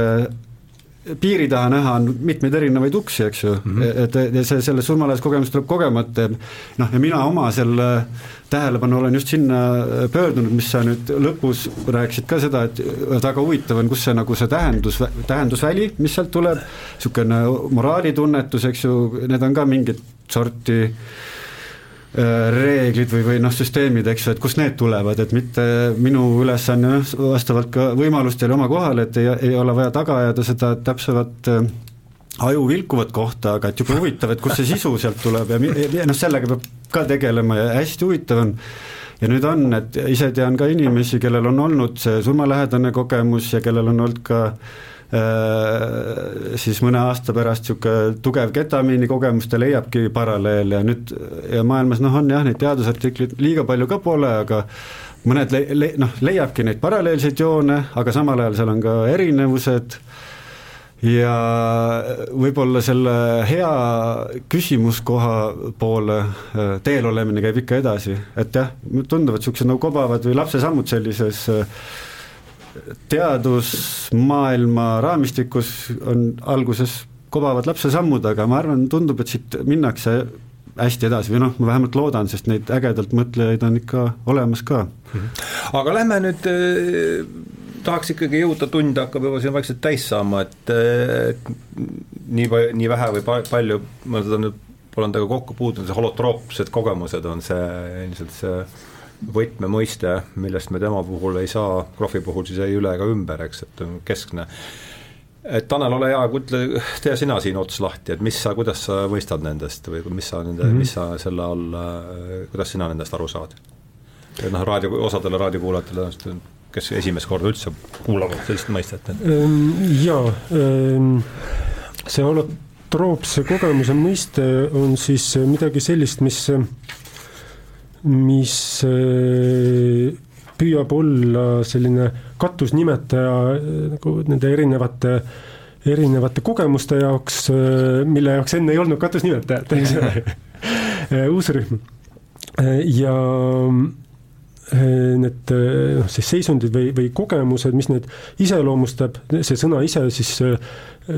tuleneb kreekakeelsetest juppidest, mis kokku võiks tähendada midagi terviku poole liikuvat,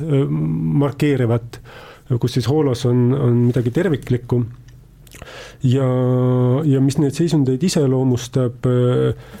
ongi siis esiteks see, et, et tunne on, et liigume kuhugi terviku poole, sageli võib juhtuda seda, et, et inimesed, kes neid seisundeid kogevad, tunnevad, et kõige, kõige suurem tõde, mis mis neid, mis neile selles kohale jõuab, on see, et kõik on üks, ja mõnikord juhtub isegi seda, et see suur tõde kirjutatakse paberi peale selles seisundis üles, et pärast paremini meeles oleks mm. -hmm. ja, ja, ja tuleb tõdeda, et, et pärast see ei tundugi võib-olla nii äh, kõikehõlmav äh, mm, argument või, või või tõdemus, aga see selleks, et tunne on, et, et liigume kuhugi terviku poole teiseks, et, et neil kogemustel või seisunditel on, on tervendav ja transformatiivne või, või ka evolutsiooniline toime. et, et kui need läbi teha, siis, siis nagu juba täna oleme siin tõdenud, et, et sa ei ole päris sama enam pärast seda või, või ei suuda enam maailma sama pilguga vaadata, kuna oled saanud kogemuse, et et see võib olla suurem või, või mm. mis iganes muu, muus mõttes avaram kui see, mida sa olid harjunud mõtlema. või et, et sinu tunnetus saab olla, saab hõlmata kvaliteete või dimensioone, mida, millest sa enne polnud teadlik. ja nii et kolmas nüüd iseloomustav tunnus ongi see, et nad on ülikogemuslikud. et ülikogemuslikud, et, et need ei ole, nad ei ole midagi sellist kaduvat, vaid, vaid kõiki sageli, ütleme oma, oma tipphetkedel kõikide meeltega kogetavad, nii nagu me oleme harjunud kogema reaalsust ja aistingud ja tunded, emotsioonid on hästi intensiivsed ja, ja see, selles peitub ka nende kogemuste selline tõhususe saladus. et kui sa ikkagi tajud tervet kosmost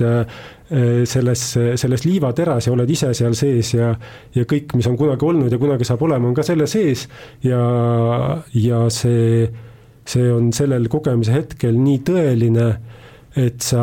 mõtled, vau, selle ma kirjutan ülesse. Siis, siis isegi kui see üleskirjutus pärast eh, ei ole enam nii veenev, siis eh, kuna see eh, kogemine on olnud nii totaalne, siis see tunne ja selle tunde veenvus kipub inimestega jääma kaasa, isegi kui me ei suuda intellektuaalselt seda tunnet enam mõtestada või kui me hakkame seda intellektuaalselt seletama, siis see tundub sellise trafaretse lalina, lalinana, et me mhm. suudamegi rääkida, et ma tundsin, et kõik on üks ja, ja peale selle mu käed olid väga suured nagu terve maailm. Mhm. et siis see noh, ei pruugi veenda teisi, aga probleem on selles, et, et tulles tagasi sellesse nii-öelda meie tava või normseisundisse, nendesse raamidesse, millega me oleme harjunud ja nende vahendite juurde, millega me peame leppima või oleme harjunud leppima oma kommunikatsioonis siis ega ei olegi häid äh, viise, kuidas äh, seletada teisele inimesele, äh, et, et mida ma nüüd täpselt kogesin. eriti, kui need on veel patologiseeritud ka, sest valitseva paradigma järgi, kui sa midagi seda koged, siis tuleb ju minna ikkagi arstide, arstide no, vaatama. näiteks, kui need on patologiseeritud ja üks, üks liin Krohvi uuringutes ongi olnud ähm, nii-öelda psühhospirituaalsete kriiside äh, uurimine ja, ja, kaks, äh, kaksteist liini on siis olnud äh, psühhedeelsed kogemused ja, ja holotroopse hingamise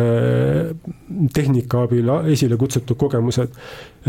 ja need psühhospirituaalsed kriisid on siis, on siis sellised kogemused, mis sageli kvalifitseeritakse tõenäoliselt täna ikka veel psühhoosi, psühhoosi valdkonda ja noh, mis, mida saab käsitleda, eks suure kaotusena ja suure äh, agressioonina selle, selle inimese suhtes, äh, kellel need parajasti avalduvad, aga noh, mis sa teed, selles mõttes, et ega äh, mudel on selline? no mudel on selline, aga noh, eks ega kõik, kõik ju soovivad ikkagi head reeglina, et kui puudub äh, kategooria. selline, siis ei olegi midagi teha. siis mis sa teed? nii et ühesõnaga holotroopsed seisundid terviku poole liikuvad, tervendavad, transformatiivsed, hästi kogemuslikud ja, ja selle kõige tulemusel me võime saada taipamisi eksistentsi ja reaalsuse, meie enda olemuse ja meie seose kohta äh, selle tervikuga sa-, võime saada taipamisi, mis, mis jäävad meiega ükstapuha, kas me mm. suudame neid intellektuaalselt integreerida või mitte, kuna kogemus on selline totaalne, nii kehaline kui hingeline, vaimne Äh, siis, äh, siis nad kipuvad meid mõjutama. ehk siis integreerida tähendab kuidagi võtta omaks sellesama igapäevase kogemuse kuidagi nojah, noh, ega see integratsiooni mõte on ju ka hästi paindlike servadega, et mida muud me kuidas sina sellest aru saad, see on, tihti on see, see integratsioon jääbki sellise, või võtame, sa muutsid raudselt, kuidas sina täpselt selle... samast kohast jah, et vaata, et väga huvitav on see, et kui sina, me oleme siin midagi selle peale mõelnud, eks ju, ja nüüd juhtub sul see suur kogemus, sa tõenäoliselt saad selle Äh, paremini vastu võtta, integreerida, sa oled ka juba olnud julge ühiskonnas äh, mingeid oma mõtteid välja ütlema. et nüüd, kui inimene üldse pole seda teinud, on väga pragmaatilist elu elanud, et siis tal äh, ja noh, kes ei lähe nüüd kuskile sellisele sessioonile, aga ütleme just selles surmalähedases kogemuses, kogemata juhtub sul see mingi pauk, et siis ma olen vaadanud nüüd ka viimasel ajal, et mõned ikkagi niisugused eluaegsed surmalähedaste kogemuste uurijad ongi välja toonud, et tihtipeale inimesel see seedimine äh, võib minna alates noh, viis-kuus aastat, et sellega surmalähedane kogemus selles kontekstis on üks holotroopsete kogemuste ala, alamulkadest, eks ole, just. et täpselt sama see asi, eks ju, et oled üle piiride näinud, ütleme hästi lihtsalt inimkeeles, ja siis nad on äh, viis-kuus aastat, keegi nüüd ütles just, et läheb vähemalt sellega aega, kui inimene hakkab julgema sellega äh, välja tulla, ütlema, et tal on olnud see nagu maailma muutev kogemus ja ma isiklikult oma tööst olen ka ikka üksjagu kokku puutunud, kus mõni isegi on küllaltki julge olnud, et minuga ühendust võtta, aga siis ta äh, noh, ta on hästi ettevaatlik, ütleb ette, et ta ei taha, et sellest äh, info kuhugi läheks, ta on võib-olla äh, seetõttu, et mina sellega tegelen, et saan vähemalt õigesse kohta äh, pöörduda, aga kellel on olnud need, need viimaste aastate jooksul või liiga lähiajal, siis on väga-väga ettevaatlikud, inimesed kardavad ja siis tihti räägitakse ka, et oma lähedastega, et et noh, me vanal ajal äh, natuke need aastakümned tagasi, et see arst pidas sind ka, kui sa seal suri või noh, haiglavoodis üles tõused, ütlesid arstile, et täitsa lõpp, et kus, mis praegu toimus, eks ju, et arst pani su kohe paika, enamus. aga et nüüd on need lähedased, need, kes sind ka armastavad, nad ei, nad ei pruugi sind üldse paika panna, aga see on nagu nii üle sinu räägi, mõttepiiri ja jah, et sa noh, lihtsalt sa isegi tunnetad seda, et kui sul see kallis võib-olla tahab sind tõsiselt võtta, aga sa näed, et ta tegelikult, ta mõistus ei võta seda vastu, et see on nagu, läheb temale liiga ufoks, ütleme nii, eks ju. ja siis sa ei saa seda jagada, aga sulle on see olnud elumuutev ja noh, kõige püham numinoosne kogemus, sa oled päriselt suure asjaga kokku puutunud ja sa ei saa seda nagu laristada sinna, kus sust aru ei saada, keegi ei pea isegi sulle halba tahtma, aga lihtsalt sa saad aru, et sa annad seda nagu arusaamatusse kohta ja hoiad seda tagasi ja ma mõtlen enda elu elus oma niisugused suuremad äh, paugud üle piiri käimisega suht samamoodi, ma midagi ei põdend, aga sa saad aru, et pluss sellega kaasneb ju see sõnades väljendamatus, eks ju, kuidas sa üldse, millest sa räägid ja, ja, ja siis, siis natuke seda imelikku tunnet teistest sa pigem jätad selle endasse, aga siis mõne perioodi peale need, kes need äh, uurijad on jah, elutööde jooksul tähele pannud, et siis mingi niisuguse viie-kuue aasta pärast siis tavaliselt inimestel tuleb ka äh, võimalus või võimekus või isu või peale mingit seedimist sellega välja tulla. jah, sest tihti selle kogemusega, paljudel on seda äh, ka olnud, et nad ikkagi on, saavad mingi selle tunde ka kaasa, et justkui peaks seda avama, et, et, et inimesed, et siin maailmas on, et pole vaja väikses karbis väga üle mõelda, et siin on hoopis rohkemat, et sa tuled nagu niisuguse hea hea teabega välja, hea teavega, hea infoga või, või, või noh, et seda nagu nagu peaks jagama, et osadel on täitsa see tunne ka kaasas, jah et me teeme nagu inimkonnale kasu, sest jah, peale seda tihti on see endal need positiivsed tagajärjed, aga, aga et jube paljud ka näevad, et nagu maailm vajaks seda positiivset sõnumit, et, et aga ma olen kindel, et neid on palju, kes ei, ei, ei tulegi kunagi välja selle jutuga, jah, sest mugavam on nii elada, kui sul muud asjad paigas ja, ja, ja mulle meenub see, kus ta ütle-, järgmine väi-, väide, mis mul on sellest samast kosmilise loengu, ta ütleb kohe alguses, ta tsiteerib Michael, ma ei tea, Michael Harnerit, tuleb sulle see nimi ette? tema on Eesti, ei ole, ta on Krohvi üks sõpradest, kes on antropoloog, ta on kindlasti on seal bibliograafias antud, eesti keeles tuleb välja šamaani tee on eesti keelde tõlgitud. jah, jah, see on küll. ja tema ütleb minu arust tähe, tähelepanuväärse mõtte, et lääne kultuur on etnotsentriline ja kognitsentriline, et on ainult üks tea-, õige teadmiste hankimise viis, see on meie tee, see on see, mille pealt me näiteks rotte seal pidasime, peame, eks. Ja, ja peale selle on ta ka veel kognitsentriline, mis ütleb, et äh, aktsepteeritavad kummitempliga kogemused on ainult need, mis on selles sageduses, mis on siis äh, ja kõik need, mis sellest sagedusest välja lähevad, on sisuliselt siis äh, patologiseeritud ja, ja ja tuleks hakata võtma psühhootikume, et äh, no väga niimoodi laia lauaga, et mis sa sellest, kas see haakub sinu tähendab, Harani tsitaat on see, et lääne kultuur on etnotsentriline ja kognitsentriline, see on mhm. tsitaat minu tõlgendus oli niisugune, panin värvi siia-sinna juurde. ei no küllap omas ajas äh, ma, ma tahaks äh, uskuda, et, et omas ajas see pidas rohkem paika kui täna, kus, kus igasugused piirid ja on, on hajumas. no see on see viimase viieteistkümne aasta lugu. eksperdid ei ole enam nii usaldusväärsed ükstapuha, kes nad on, milles, mis on toonud nii head kui halba, eks ole. just Äh, aga noh, oma, oma tõde selles on, et, äh, et oleme harjunud intellektuaal-, noh, lääne ühiskondades oleme harjunud intellektuaalselt käsitlema teatud teemasid ja, ja väga raske äh, on usaldada sellest tulenevalt oma isiklikku kogemust. noh, kui mhm. tulla hästi kiiresti selle juurde, et me kõik ikkagi äh, oleme. pigem usaldad eksperti kui oma kogemust. jah, jah, et me ja, reaalsuses, eks ju, oleme ja. üksik, üksikisikud ja rändame mööda seda kivipalli ja pidevalt ju kogeme midagi mm, -hmm. aga kuidagi kanname endas seda, et, et ma kuulan parem, mida ekspert ütleb ja, ja mm -hmm. ma tahaks us-, tahaks ähm, ähm, või tuleb tõdeda, et, et see pigem praegusel ajal ikkagi on, on läinud hullemaks tunnetuslikult. mida, mida rohkem inimesi on, seda maakera peal, seda, seda kergemini see kuidagi tekkima kipub, et on, on vaja kiiresti kedagi usaldada. Ja siis, ja siis, kuna igaühe enda isiklik kogemus on nii erinev ja puuduvad võib-olla noh, maailm on läinud nii keeruliseks, eks ole mm, -hmm. siis, siis on vaja kedagi usaldada ja see usaldus kipub äh, olema meist endast äh, väljaspool. Ja eriti, kui nüüd tulevad sellised kategooriad, nagu me siin täna käsitleme, mis on noh, veel teist, teises mõttes keerulised, et, et et, et puudub see kontseptuaalne nagu raamistik ja aparatuur nende, nende mõtestamiseks, et siis äh, siis seda enam on vaja usaldada kedagi teist. ma vaatan, hästi palju abi oleme saanud, vaata, me oleme ka siin omade,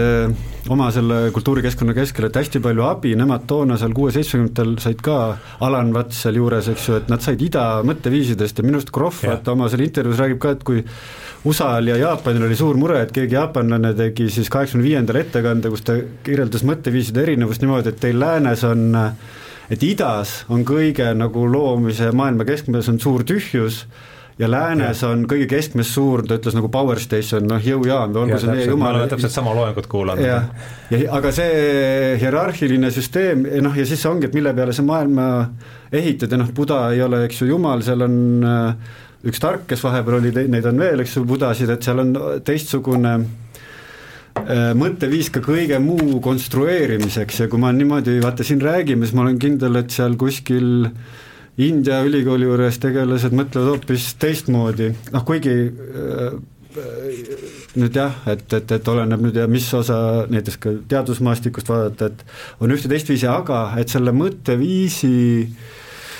kütkes me lihtsalt tahes-tahtmata oleme ja, ja need suured ägedad mõtlejad läänest ka, et nad leidsid nii palju abi nendest ida mõtteviiside mm -hmm. kaudu millegi ärakirjeldamiseks, et Alan Watts võtti hästi palju taoismi ja. mängu, eks ju, et ja ja siis mõned räägivad, et oh, ta oli suur taoismi fänn, aga tegelikult nagu ta leidis minust selle kaudu keele, kuidas rääkida neist asjadest, eks ju, ta võttis veel appi teisi asju, mis vaja oli mm. -hmm. et, et sellega, selle läbi saame edasi minna, aga jah, et kas ta tänapäeval on läinud äh, see tunne tõesti ja meie ühiskonnas on, see on ju ka kõik inimese heaks mõeldud, aga mis sa nüüd, Tanel, rääkisid, et see et meil on vaja ja, ja, ja või noh, tulebki see tunne lõpuks, see kasvab sulle sisse, et tahaks teada, mis see ekspert või keegi arvab, et kuidas on nagu õige elada, et et selle, minu arust me oleme paradoksaalses suhtes, et seesama individuaalne vabadus ja see päris noortele et ole, kes sa tahad, eks ju, kus korra tekib ka see hullus, et mis nad USA-s on lugenud kokku kakskümmend kolm erinevat sugu, mida keegi tahab olla, et vaata, see, see nagu ka, räägiks see ka muutub iga päev. jah, et see nüüd äh, muutub, aga et see on äh, lihtsalt suure plaanina, et mitte sellest teemast rääkida, et et mingisugune, et mõtle ise, kuidas sa tahad, voog on ka meil samal ajal sees, eks ju, ja samal ajal on need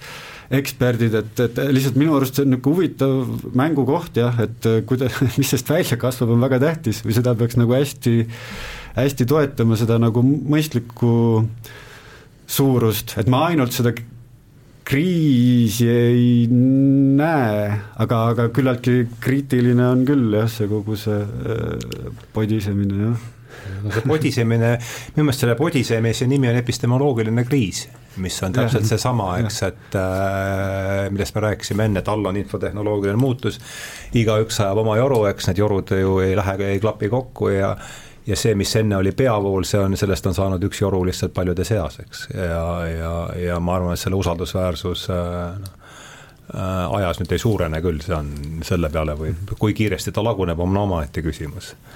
ja seda ainult äh, ma arvan, jõustada saab nüüd juba raudse rusikaga. Ja noh, see on võimalik, et see katse tehakse ka ära, eks. see, et selles suunas on meil siin ka ju hiljutine kogemus äh, olemas aga siis samal ajal vaata seesama teadusmaailm, igast noh, mõned, mõned teadusoksad lähevad kindlasti kuhu, kuskil liiva, aga et küll uuritakse see, mis me korra Facebooki, sinu Facebookis jagasime, vaata et et huvitav, et keegi siis uurib ka DMT mis sa mõtled, aa see jah, jah, et, et siis, et palju, kõik inimesed näevad DMT kogemusest teatud sorti päkapikke, eks ju, nüüd on keegi pannud püsti uuringu, et, et kuidas need päkapikud sarnanevad, et et selliseid oksi tehakse ka, eks ju, igasuguseid, et see samal ajal ka äh, toob nagu mingit, eks ju, uut teadmist ja need viimase kümne aasta jooksul on ikkagi noh, tõesti enamasti ikkagi sellepärast, et neid äh, Äh, võimalikke erinevaid äh, psüühilisi probleeme lahendada, uuritakse kõiksugu ja väga head, äh, väga head tulemused on, et suurtest stressidest lahti saada, on need seal psülokübiini või LSD või siis ketamiini abiga ja, ja, ja neid, aga samal ajal seal noh, seest see huvitav sisu, niisugune see moraalitunnetus ja see ka tuleb, tuleb esile, kuigi eks ju Jaanus Arro Tartu Ülikoolis ütleb, et või noh, mis ongi arusaadav ka, et kui kui nendest sellistest teadvust, teadvuse seisundit muutvatest ainetest teadlased uurivad abi inimestele, nad otsivad võimalust, et neid mõju, mis su nagu kuskilt siit ära sõidab, et sellele piir panna ja äkki sealt saab lihtsalt niisugust ainelist konsistentsi, mis lihtsalt sind aitab, aga et mitte, et sa ei elaks nagu mingit hallutsinatoorset lugu läbi, eks ju. kuigi tegelikult et sa ei saaks kogeda, et, et see puhas toimus kõik sealsamas skeemil. kuigi, kuigi Krohvi järgi võttes just need ravi, ravi on see kogemus. jah, see lugu ise on see, mis jube palju ja. annab, eks ju, jah jah, sest Krohvi järgi, ma ei tea, kas sa saad niimoodi aru, et Krohvi järgi ra ravib just nimelt see subjektiivne kogemus, mitte see mitte aine. materiaalne korrelaat, mis seal, mis seal äh, sellega ka kaasneb, midagi vilgub ajus samal ajal, eks ju. Mhm, mhm. Äh, ja, ja miks need äh, kogemused on tervendavad ja transformatiivsed, on noh, eelkõige sellepärast, nii nagu mina sellest aru saan, mis seondub just selle noh, suurema või suureneva terviklikkuse kogemisega. et eks äh, võib ju vaadata erinevaid meie hädasid äh, sellest vaatenurgast, et äh, et asjad on kuidagi liimist lahti või et on selline lõhestumine või, või mingisugune konflikt või, või trauma, noh, eriti nagu, nagu sina illustreerisid alguses, tõid näiteid näiteks ähm, noh, terveid äh, rahvaid või, või riike või muid koosluseid tabanud traumadest, mille, millega töötamine, mille integreerimine ja tervendamine on, on hästi pikk äh, protsess. Äh, nii, nii ohvritel näiteks kui, kui siis nendel, kes kes neid ohvreid äh, tekitavad, siis äh, noh, selliste asjade tervendamine, noh, neid näiteid on siin ka Krohvi töödes hästi palju, kuidas, äh, kuidas tervendavaks võib ka osutuda selline kogemus, kus sellise traumaatilise, ütleme rahvuse tasandil traumaatilise kogemuse juurde minnakse tagasi, seda kogemuslikult äh, läbi elades, mhm. ehkki tegemist võib olla mitte, mitte, või tegemist võib siis olla nii äh, sellisel üksikisiku tasandil äh, kogemuse läbielamisega, kui ka millegi abstraktsemaga, millegi arhetüüpsemaga, millegi sellise öö, suuremal üldistustasemel toimuvaga, selle nagu läbielamisega. Ehm, ja mille tulemuseks võib siis olla see, et, et see traumaatiline koht saab äh, natuke tervendatud, äh, mille sisuks äh, tihti kirjeldatakse, kui minna nagu väga sügavale, näiteks traumasse ja sellesse ohvri ja, ja siis vägivallatseja kombinatsiooni, siis,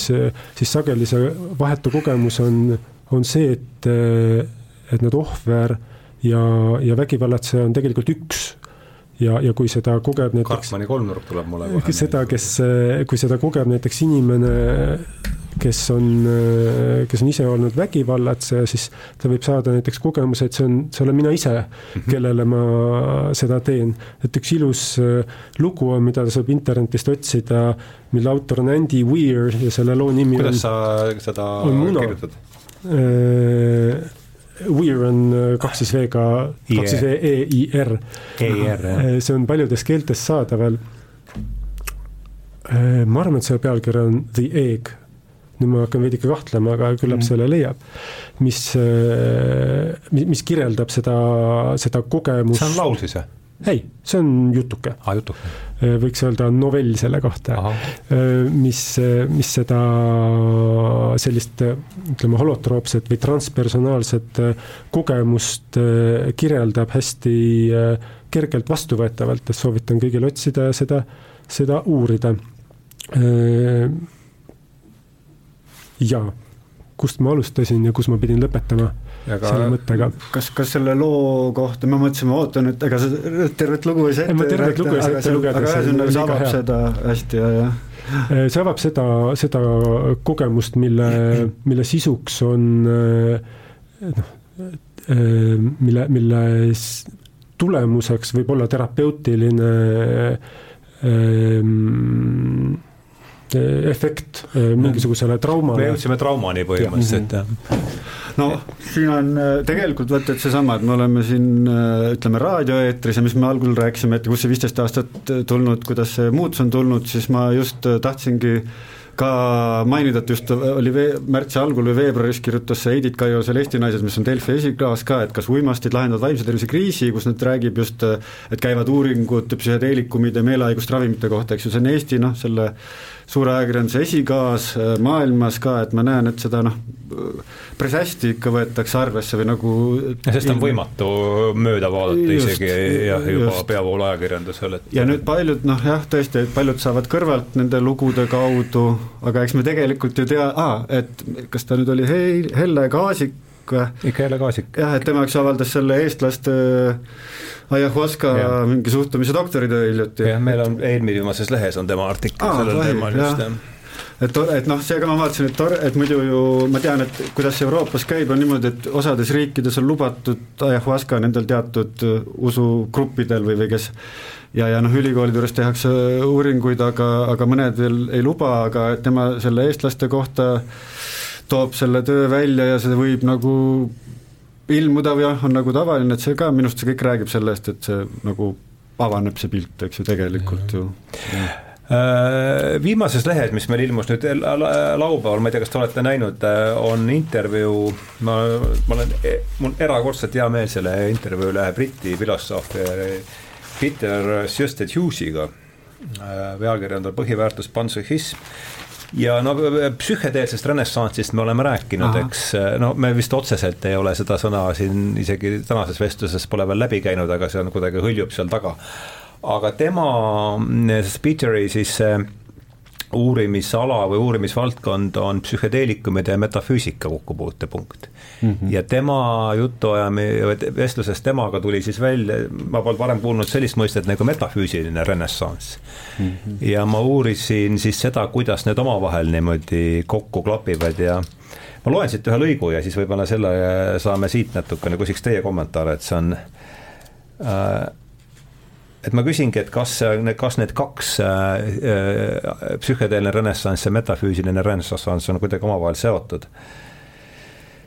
Ja, ja, ja siis noh, ta räägib, et LSD, eks noh, see, kuidas see Timothy Leary'ga see asi läks käe, käe, käest ära ja siis mhm. tuhat üheksasada seitsekümmend pani ÜRO need ülemaailmse keeleseaduse alla, eks, ja siis on see nüüd tsitaat siis, et on märkimisväärne, et samal ajal, kui tuli see ÜRO ülemaailmne keeluseadus, valitses filosoofias väga reduktsionistlik suund. Mm Toonia andis Viini ring, Viini ringist välja kasvanud loogiline positiivism, mille tõid Inglismaale esmajoones Ludwig Wittgenstein ja H.A. Eyre viimane kuulutas tuhande üheksasaja üheksa, viimane kuulutas tuhande üheksasaja kolmekümnendate aastate alul, et metafüüsika on võimatu, see oli lääne siis äh, filosoofia lähtekoht keelefilosoofia loogilise positiivismi laineharjal kadus huvi teaduse ja sellega seot-, teadvuse ja sellega seotud probleemide vastu. teadvust hakati pidama ajutegevuse tähtsusetuks kõrvalsaaduseks, see on, millest sina just rääkisid, eks ja see, mis sina rääkisid siin äsja, et kirjeldatud vaimses kliimas hakkasid sellised psühhedeelsete kogemuste vastu huvi tundvad mõtlejad nagu Aldous Huxley ja Alan Watts otsima, otsima vajalikku metafüüsilist raamistikku idamaade mõtteloost mm, -hmm. eriti zen-budismist, aga ka Vedantast. Need mõttesuundumused imbusid tasapisi õhtumaadesse, lääne enda metafüüsika paistis olevat surnud ja nüüd on siis äh, loogiline positiivism klappis hästi teadusliku mõtteviisiga mis rõhutas mõõdetavaid objektiivseid fakte, kuid tardus ajapikku omaenda paradoksidesse, mis on siin, et ma ei hakka siin pikalt sellest nüüd jahuma, aga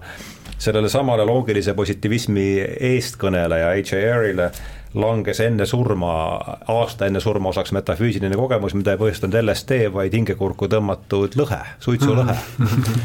Ja ta sai siis surmalähedase kogemuse ja kirjutas, et,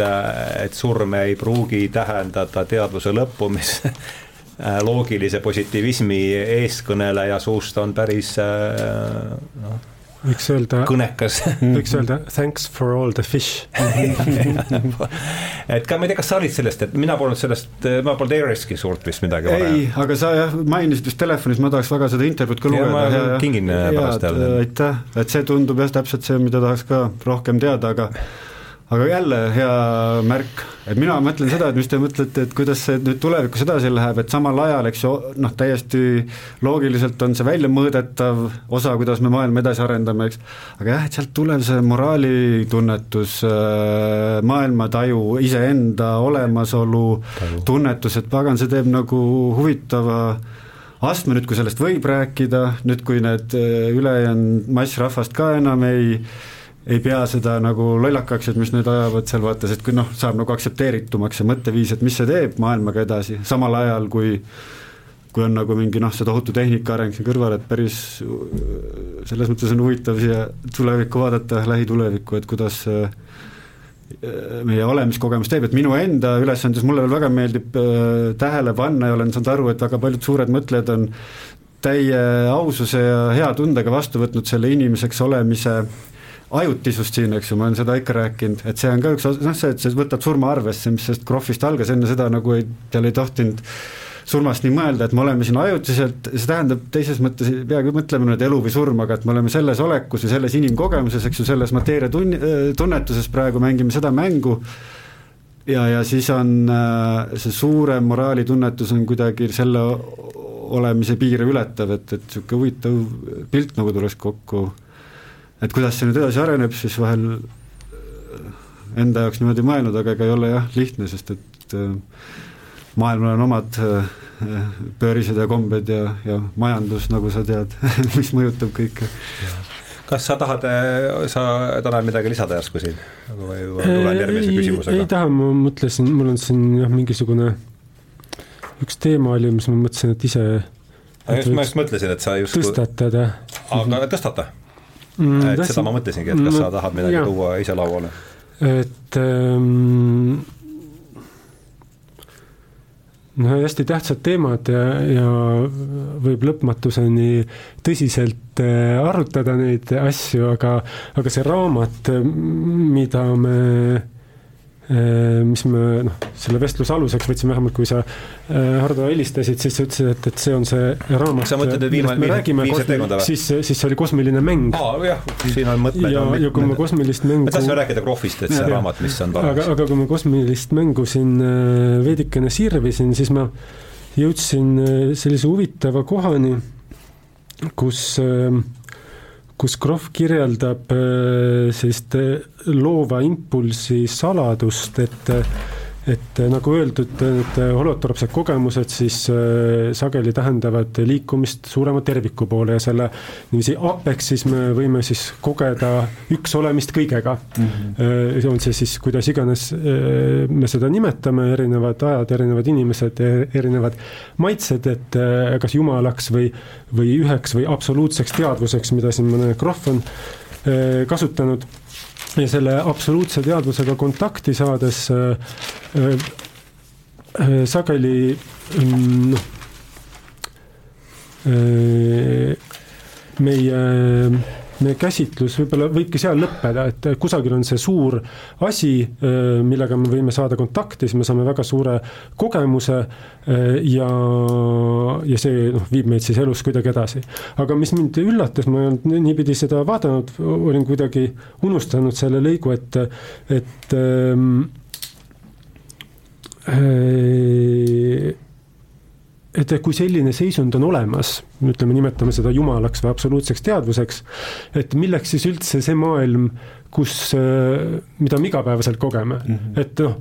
kõik, kes on kogenud need see on üks kosmilise mängu põhiküsimusi. tipp, tippelamusi või kogemusi, eks ähm, need äh, need võtavad kaasa selle teadmise, et, et see oli midagi väga head mm. ja kui võimalik, siis tahaks sinna tagasi minna ja see võib tekitada küsimuse, et, et miks see jõud, kes, kes ava-, võib avalduda sellisel kujul, äh, soovib üldse Just. manifesteeruda mingis muus vormis. SKT vormis jah, näiteks SKT-na. ja, ja siis noh, selle üle võib mõtiskleda ja üks, üks tore vastus, mis, mis äh, Äh, jääb, jääb pinnale, on see, et, ähm, et miks see algallikas ikka äh, siis seda reaalset maailma äh, enda kõrvale luua püüab, on see, et, et see algallikas soovib iseennast näha või nähtavaks teha, kelle iganes jaoks siis. ja, ja veel ta soovib, et mis kõlab väga nartsissistlikult natuke isegi, eks ole. aga, aga loogilisem on natuke teistpidi seda öeldes, et, et, et oleks lõbus mm, -hmm. et oleks mängu. Äh, ja, ja seda yeah. võib siis nimetada kosmiliseks mänguks. ja ma tahtsin kuidagi jõuda selleni, et, et kuidas see kuidas see nali ja, ja huumor ja mäng teie jaoks nende teemadega seostuvad, et et need märksõnad korraks lauale tuua, et liiga tõsiseks ei ja. läheks asi, et mida, mida need märksõnad meile õpetavad? Äh, kui me räägime surmateemast, oleme rääkinud, siis must huumor muidugi on nagu hästi liht-, kiire ühendustee. aga millest me võime alustada? miks must huumor mõjub nii hästi? ja mulle tuleb kohe meelde üks äh, väga lühike Monty Pythoni sketš, kus hakka, hakkab ka seesama pealkiri, Is there life after death? ja kõigepealt jookseb kohe jookseb kaamera John Cleese'i peale, kes on saatejuht, alguses näeme ainult saatejuhti, et, et sellele küsimusele vastamiseks on siin stuudios praegu neli surnud inimest. Üks on ühtpidi pilt. iga küsitakse vastust ja siis ongi sketš läbi, see kestab võib-olla minuti ainult, eks, et aga see ei vastanud su küsimusele, et aga me alustame ka, Karl, sinust, et kuidas, see on väga hea küsimus, mäng, nali ja huumor, et kuidas sobitub skeemi? minul on kogemata see teema, surmateema nii palju ees olnud, vaata iga nurga alt loed, et enda jaoks on see mäng ja nali, ega, aga noh, me oleme ka hästi komple-, kompleksne tegelane ka siin materiaalselt, et ükskõik, mida ma mõtlemisolekus ma olen, siis ta vahepeal kõigub ära, meil on äh, igasuguseid raskusi, suuri šokke ja siis, kuna ta mul nii palju läbi käinud, siis ma vaatan, et mul tuleb raskel ajal küll see meelde, et see on pagana mänguasi, kui on, äh, kui on äh, ikkagi selline olukord, kus sa vaatad, et, et perse, et nüüd on nagu elu läbi või kõik on nagu kõik on nagu nässus, siis mul tuleb juba pähe, et aa, õige, et, et see on nagu see mäng käib, et võiks kas või nalja pärast mingisuguse järgmise veel tuusama teo teha, lihtsalt nalja pärast vaata, või noh, näiteks, et kui võrrelda, et kas kas inimesel tuleb isu exit ida või enesetappu teha, et kui tuleb see pähe, et siis noh, okei okay,, et raske rääkida, aju on sellises olukorras, et ei, võib-olla ei ole ühtegi energiakildu järgi, aga et üldiselt kui enda jaoks varem ära kodeerida, sellepärast on tark ka surmale nagu enne mõelda juba elu jooksul. et siis võib-olla lihtsalt teha nalja pärast mingi ühe äkti veel siin elus, noh, räägitakse, et see väga tähtis on selle kogu nagu oma selle eluenergia juures, et kui sa teed oma tegusid selliseid, mis on millegi poolest maailma jaoks, maailmale kasulik, mitte ei küsi, eks ju, mis maailm sulle annab, aga et mida ma saan teha maailma heaks. ja siis mängeldes ja siis äh, naljaga ja kogemata mul selle, ei tule kohe niimoodi või noh, niisugusest nurgast ei saa rääkida, aga mul on, tuleb kogemata selle surma kohta neid nalju ja siis vahepeal noh, teatud inimestega seltskonnas on see okei okay ja tavaline, vahepeal unustan ära, et mõnede inimeste jaoks võib-olla see on hästi veel see nagu raske teema, et mõni, et nali äkki tuleb nagu kohatus kohas välja, aga noh, need ei ole mingid külmad naljad, aga kui sa tege-, teemaga kogu aeg tegeled, siis iseenesest tuleb, eks ju, neid ja ja naerad äh, surmaohu kohta vahel ja, ja noh, mina, põhiasi, mis sa rääkisid ja põhiasi, mis selle kosmilise mängu seal sees on, nagu seda asja ise varem või noh, oma tegude ja kogemuste käigus täiesti samamoodi tunnetan või noh, selles mõttes, et siin ei olegi midagi uut ja tore on tõdeda, et keegi paneb seda veel tähele, eks ju, ja siis on kirja pannud, et minu, minu jaoks ta nii ongi, nagu ta seal ütleb, jah mul tuli meelde sellesama naljaga, no Tarnase, kas ta, Richard Tarnas on ju käinud läbi meie vestlustest mm, -hmm. eks ole, sulle ütleb, et tema, et no mis on see põhi, no jällegi nüüd, võtab Saeviski filosoof siin suu täis, aga et mis see põhiprobleem meil üldse on, eks elus ja ka surmaga, et vastaseis määramatusega, eks mm. -hmm. totaalne teadmatus, me ei tea midagi noh, kindlasti me ei tea, mida, Hillman rõhutab seda just eriti, et see, mis peale surma toimub, on noh, täielik teadmatus, mitte ühtegi usaldusväärset reisikirja meil sellelt territooriumilt pole, eks. ja, ja nagu meil on ka täielik teadmatus, ma kujutan ette selle kohta, mis kümne aasta pärast on, eks mm. -hmm ja siin mul tuleb meelde Tarnase väga imeilus tsitaat oli, ta tsiteeris ühte, just otsisin üles, John P Towerley on äh, jungiaanlik analüütik, religiooniuurija ja katoliiklik äh, preester veel taga, takkapihta ja temalt on lause, et we need, inglise keeles oli ta niimoodi, et we need an altar to the, to our lady of perpetual uncertainty. ehk et siis me vajame altarit igavese, me vajame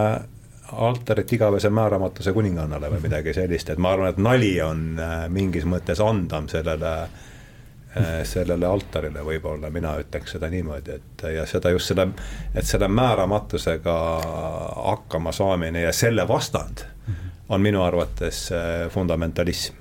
Nii religioosne kui ka teaduslik ja seesama Liis, keda ma, see on lihtsalt suurepärane sketš, ma pean seda mitu korda rääkinud seda, aga see kestab poolteist minutit,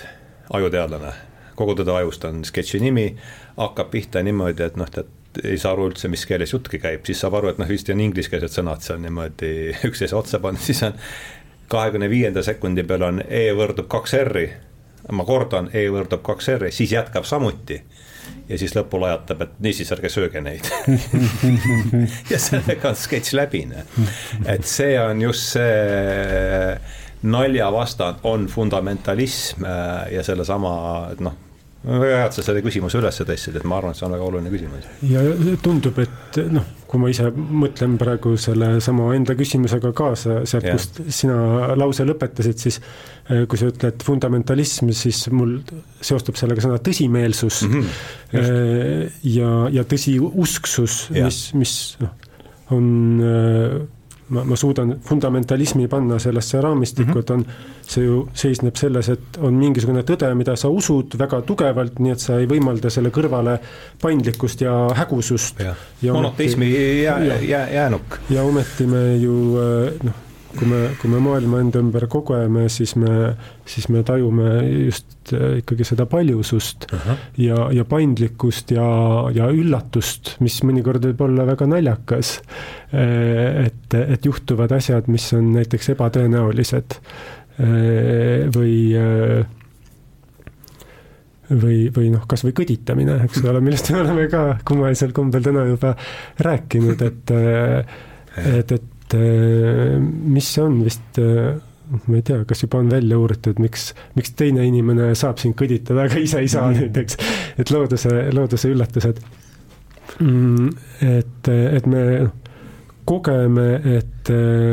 et maailm kipub meid üllatama ja siis see on, on lõbus ja kui me seda ja, ja seal, kus me läheme liiga suurde tõsimeelsusesse või maailma rangete reeglite alusel kirjeldamisse, siis üks äh, selle tulemus või, või selle seisundi tagajärg on see, et enam ei ole üldse lõbus mm. -hmm. et, äh, et see kõlab natuke nagu äh, see vist on ka üks Monty Pythoni sketš, kus, ähm, kus püütakse, kus, kus äh, teises maailmasõjas vist Saksa ja, ja, väed püüavad äh, lihtsalt joke. leiutada, leiutada surmavat, surmavat nalja liitlasvägede vastu ja teevad seda korraliku saksakeelse, saksakeelse korra järgi, et on kindlad reeglid ja siis, ja siis tuleb äh, luua täiuslik nali ja seda ette kanda. -hmm. et aga ei kipu olema naljakas paraku, kui sa niiviisi nalja lood aga vaata, kui ei võta seda halba ega head, ei võta nalja tõsisust või noh, et see kõik, eks ju, on, ütleme, et see maailmas see võnkumine käib tõk-tõk-tõk-tõk üles-alla kogu aeg, et sul ei saa olla äh, ütleme, et kuskil on mingi asi näiteks väga äh, struktureeritud reeglitega ja siis ainult tänu sellele, et kuskil on hästi suur punt struktureeritud reegleid, saab ära tunnetada, et teine koht on vaba reeglitest, eks ju, et ühte ilma teiseta ei saa olla. muidu oleks ja. lihtsalt samamoodi see tõsine või nali. see käib ka kosmilises mängus, see polaarsuste printsiip, seda rõhutab väga. et, et me ju saame sellest äh, alles, jah noh, yin ja yang, eks ju, et, et ja. me ei saa, et see olemine siia ongi sellesse võnkumisse loodud, et siin on see ütleme siis kehv kogemus ja heaolu kogemus, aga ainult heaolu kogemust ei oleks olemas, ta oleks, eks ju, niisama või noh, ei oleks seda, et need on, et see on tegelikult kunst, see on nagu see suure universumi arhitektuuri kunst, et on loodud niisugused diameetrid, et kus on see halb ja hea ja sellepärast, et üldse neid me siis kogeme, sest neid diameetreid, mida pole olemas, neid me ei oskagi kogeda, eks ju, või noh, ma ei tea, et valus ja mõnutunne või, või on, on nad vastandid ei ole, aga, aga et see käib selle mängu juurde ja see on nagu nii jabur omaks võtta, aga samas, kui noh, ta on kuskil meeles, et siis elu niisugusel sellel kehval või tõsisel ajal või see, kus nutma äh, ajab, et siis äh, meelde tuletada, et kindlasti sealt tuleb see mingisugune järgmine võnge, see, kust tuleb see heaolu tunne, et, et, et noh, see võnkumine on olemas, aga aa, ja need äh, Krohvi ajas siis taga, et kuidas siis sellest, äh, et needsamad äh, tema patsiendid, need vähihaiged LSD-ga ja kes seal on siis küsinud neid küsimusi, et mis see mis see maailma case on, et mulle väga meeldis, et seda on polnud ka vanasti ajast meeles, et mis ma ise olen muud kaudu äh, nagu oma pähe saanud, et siin ei saa, et selle maailma inimeseks elamise point ei ole siit ära põgeneda, et mõnedel tuleb ka, et vaata, et noh, ma hakkasin hästi palju seeni sööma, et kuidagi saaks siit välja, sest see on siin põrgu ja tahaks olla kuskil õigel tõotatud äh, maal, et see ei ole point, et see mäng äh, siin käib täiesti nii, nagu ta käib, et, et muidu, kui seda maailma üldse poleks, poleks äh, Polekski, eks ju, ja siis, aga nad on äh, siis tema oma nende kogenud inimeste kirjeldusi kogudes ja siis tema ütles, et ta leidis, et Mahajana budismis on needsamad pointid, et asi pole mitte siit ära põgenemises, aga et kuidas oleks võimalikult inimlik siin ära elada, et, et poleks nagu jama, et siis selleks on vaja suuta ületada või lahti lasta kolmest jõust mm. -hmm ja eks ju, need on, siis on see agressioonist, eks ju, ihadest ja ignorantsist. Need olid see siga, kukk ja madu või? jah, jah, loomade näitega ja vot ja see jällegi, et selles, mina vaatan ka väga palju niisuguseid oli see Mahajaanas või? jah, no tema ütles, et seal on need eh, niimoodi kirjas, aga, aga needsamad inimesed saavad seal oma sügavatest kogemustest ilma Mahajaanast midagi teadmata, eks ju, samu arusaame ja et need, see tundub ka niisugune maailma huvitav jah, niisugune tarkuse tunnetus, mis sealt piiride pealt tuleb. jah no just, et see, et kogetakse seal holotroopsetes seisundites äh, just.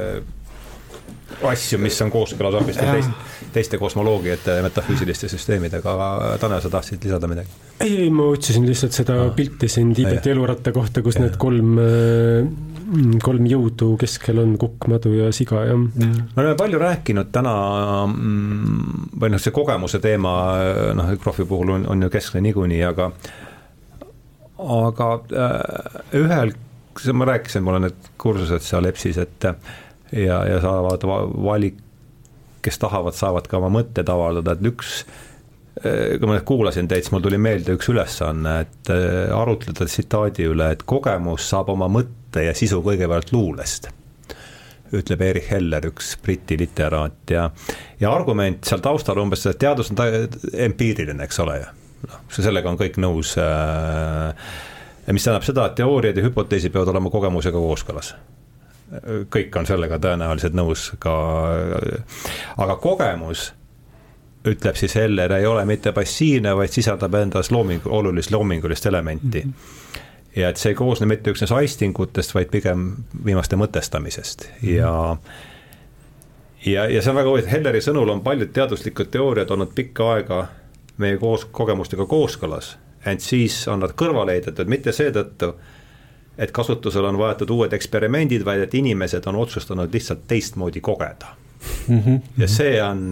ja, ja seda ta jah, see on siis tema esseest Goethe ja teaduslik tõde mm, -hmm. et mis te sellest, lihtsalt kerkis kerkis siin see, et andke kas, mis te arvate? väga äh, tõene teema ja väga huvitav, et me elame selles oma mingis väljas, kust me oma selle kogemuse tõlgenduse ajus siis kokku paneme. Mul on tulnud see, vot jälle, et kuskilt see noorena juba tuli pähe, ma proovisin ju kaugel siin ja seal teistes kultuurides elada, võimalikult kaugel oleks Euroopast, et noh, olid huvitavaid raamatuid võib-olla lapsena lugenud või Äh, hiljem, et siis, äh, et kui oled seal tükk aega seal mingis India kandis või siis selles Lõuna-Mehhikos, kuidas nende see, no sa saad mingi teistsuguse välja enda ümber, eks ju. kogu, kogu ja nüüd, ja nüüd, kui ma jääd sinna natuke kauemaks sisse elama ja nende viisil, eks ju, ei ole see, et mul on siin eestlane oma kommete järgi, vaid noh, ma proovisin ka alati sinna inimestesse sisse elada, nendega läbi saada ja väga, väga huvitavad kom-, ja siis su maailmapilt muutubki, sa oled selles, eks ju, et kui need mehhiklased meeldisid, et kui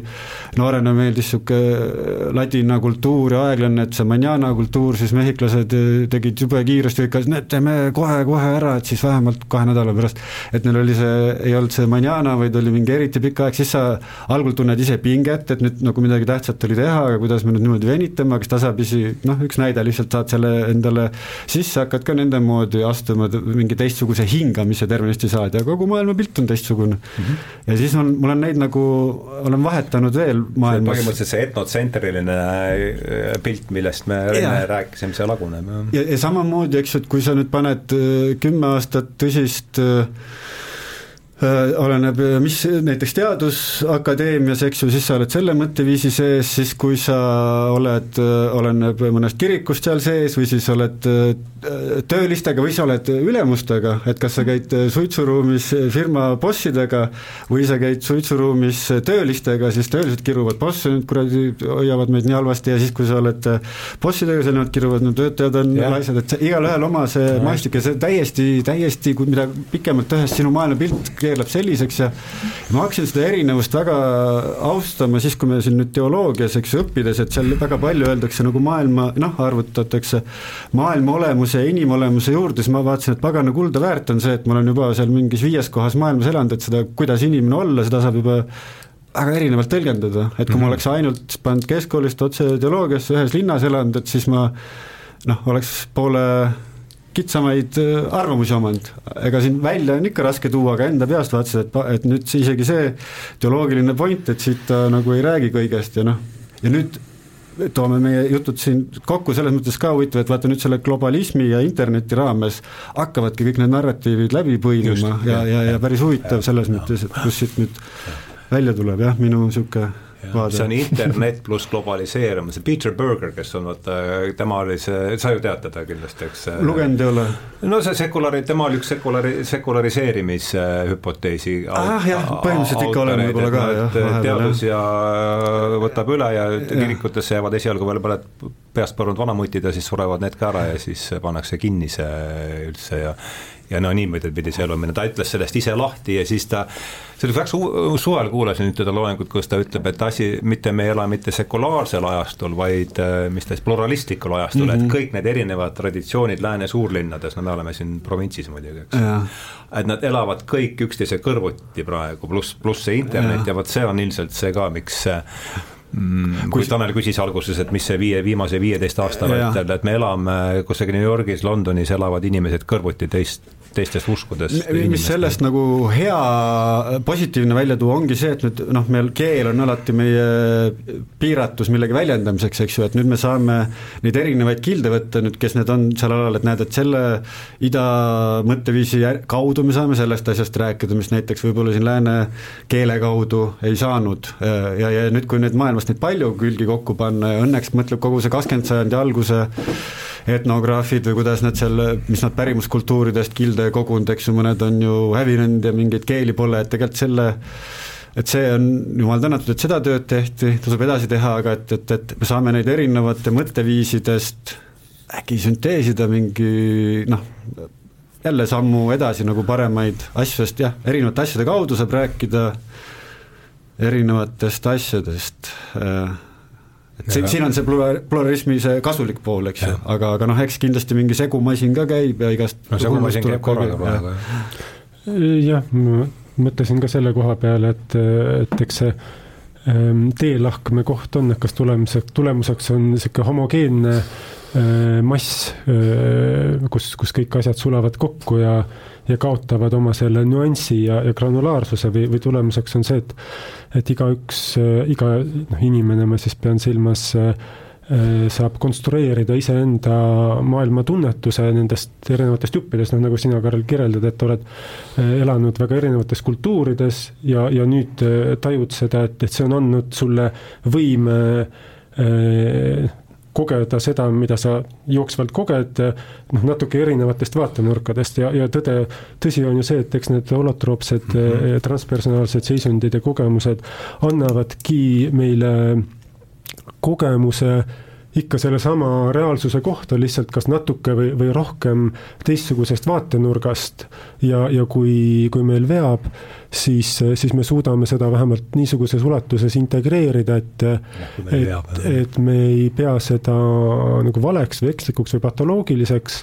vaid suudame noh, mõtestada, kas siis teadlikult või, või mitteteadlikult, et et, äh, et see oli äh, natukene teisest äh, vaatenurgast pilk sellele samale kohale, kus me, kus me elame. ja ma prooviksin natukene siduda ära selle, mis sa, Hardo, küsisid, et koge, sa küsisid kogemuse Aha, ja, ja, ja, luule, ja luule kohta, nende seose kohta, siis siis, siis haakub selle Karli kirjeldusega, et sa oled noppinud kogemused erinevatest kultuuridest ja nüüd äh, sa kannad neid endaga kaasas, oled kuidagi integreerinud, nii et iga asi, mida sa näed, põhimõtteliselt sa suudad seda äh, noh, tajuda tõenäoliselt mitmekülgsemalt kui mitmekülgsemalt kui siis, kui sa oleksid kogu elu elanud ühes kultuuris. ja, ja noh, eks see mitmekülgsus tähendab seda, et sul on rohkem tõlgendusi või rohkem tähendusi mm -hmm. sellele ühele objektile, mis mm, -hmm. mis sa kätte võtad ja nüüd, kuidas, äh, mul on väga hea meel, et sa luule äh, tõid, tõid jutuks, sest et minu meelest, ta ise tuli minu meelest luuletus on äh, noh, niisugune täiuslik täiuslik loomingu vorm täiuslikkus äh, avaldub näiteks selles, et see on hea kompaktne romaan just. on ka väga hea vorm, aga ka raskem seedida. aga luuletus on äh, minu jaoks äh, selline konstellatsioon, et ma panen need ja, ja ma ise kasutan seda nagu enda jaoks ka terapeutilise vahendina, natuke või enesega töötamise vahendiga, et, et et sageli on, on mul mingisugune kogemus või seisund või tunne ja, ja mulle pakub suurt rõõmu see, kui ma suudan selle äh, selle väga peene noh, minu jaoks tunnetuslikult peene eh, seisundi eh, markeerida ära mingisuguste sõnadega, nii et kui ma tulen selle juurde hiljem tagasi, siis see, see sõnad, valitud sõnade konstellatsioon hakkab helisema samamoodi nagu sel hetkel, kui ma selle tunde sees päriselt olin, ehk siis yeah. ma suudan pakkida mõnikord öö, mõnda luuletusse või kogeda ka teiste luuletustes noh, midagi mis, mis on sinna talletatud nii hästi, et ta igakordsel tarbimisel annab sama, sama tulemuse. Ja, ja noh, nii, nii siis on see et kogemus ja luuletus või luuletus kui kogemus noh, võib, võib võimaldada pakkida kokku väga, väga massiivse ja mitmekülgse granulaarse ähm, noh, tunde, kogemusliku empiirilise seisundi näiteks tänu sellele ja et, et keelel ja sõnadel on meie jaoks isiklikult noh, väga peen tähendus aga, aga noh, samas need kannavad ka, eks ju, meie mingit ühisvälja mm. ja, ja noh, et, et pole ime, et et sada tuhat inimest siin äh, nutab mingisugusest, laulab mesilase laulu lihtsalt, aga, aga samal ajal nutab, et, et nii nagu tugev tunne tuleb sellest mesipuu poole lendamisest, et äh, what the hell võiks mõni teine inimene küsida teisest mhm. kultuurist. aga noh, on pakitud niiviisi kokku see, see sõnum, et kui ikka laulad ja eriti kui oled veel suures kambas koos, et siis on ikka võimas olla küll mhm. mesilastest laulda, eks ole. et, et luuletus ja laul ja noh, eks, et see, eks see spekter laieneb lõpmatult nendest nii-öelda kunstivormidest on, on väga vägev kogemuse pakkimise viis, et saame olla tänulikud, et meile see keel on antud, eriti eesti keel. Äh, nagu vaatasin just ka hiljuti äh, saadet äh, kas seal oli äkki Kivisildnik või keegi, keegi kiitis takka, et eesti keel on. nagu Ferrari. nagu Ferrari just nimelt, et, et ei ole et ei ole midagi. nagu Mazda, millega ümber kaubaväe tiirutada.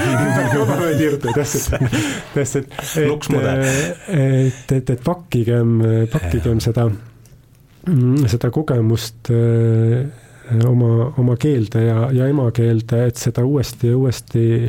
läbi elada, kui oli hea kraam mm. -hmm. Ja ja see koos äh, olemine jah, mis sa nüüd tõid ka oma jutust välja, sada tuhat inimest võib-olla olevat koos, aga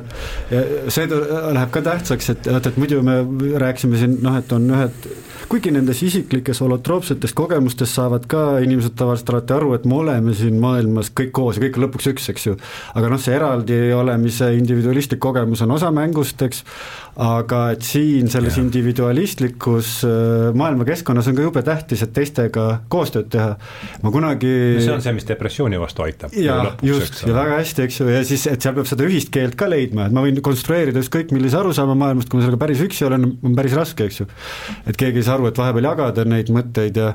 ja tegelikult ma, ma mäletan, ma kunagi ühe koolitöö käigus tegi, tuli niisugune emaili vahetus seal Marju Lepajõega,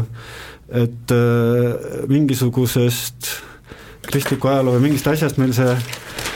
õppeaine toona oli, aga et siis ma küsisin ka, et kuidas see on, et, et, et, et, et huvitav, et mis sellest kasu on, et kui see, kes läheb väga seda pü-, pühat suurimat tarkust taga ajama ja ta läheb sinna koopasse või, või, või siis on need kloostrid, kus küll ollakse koos, aga ei tohi keelt kasutada, eks ju, nad on vaikivad kloostrid, et et siis sa elu lõpuni oled võtnud vande, et sa elu lõpuni enam ühtegi sõna ei räägi, aga ise ajad taga kõige suuremast asjast arusaamist ja nüüd sul on see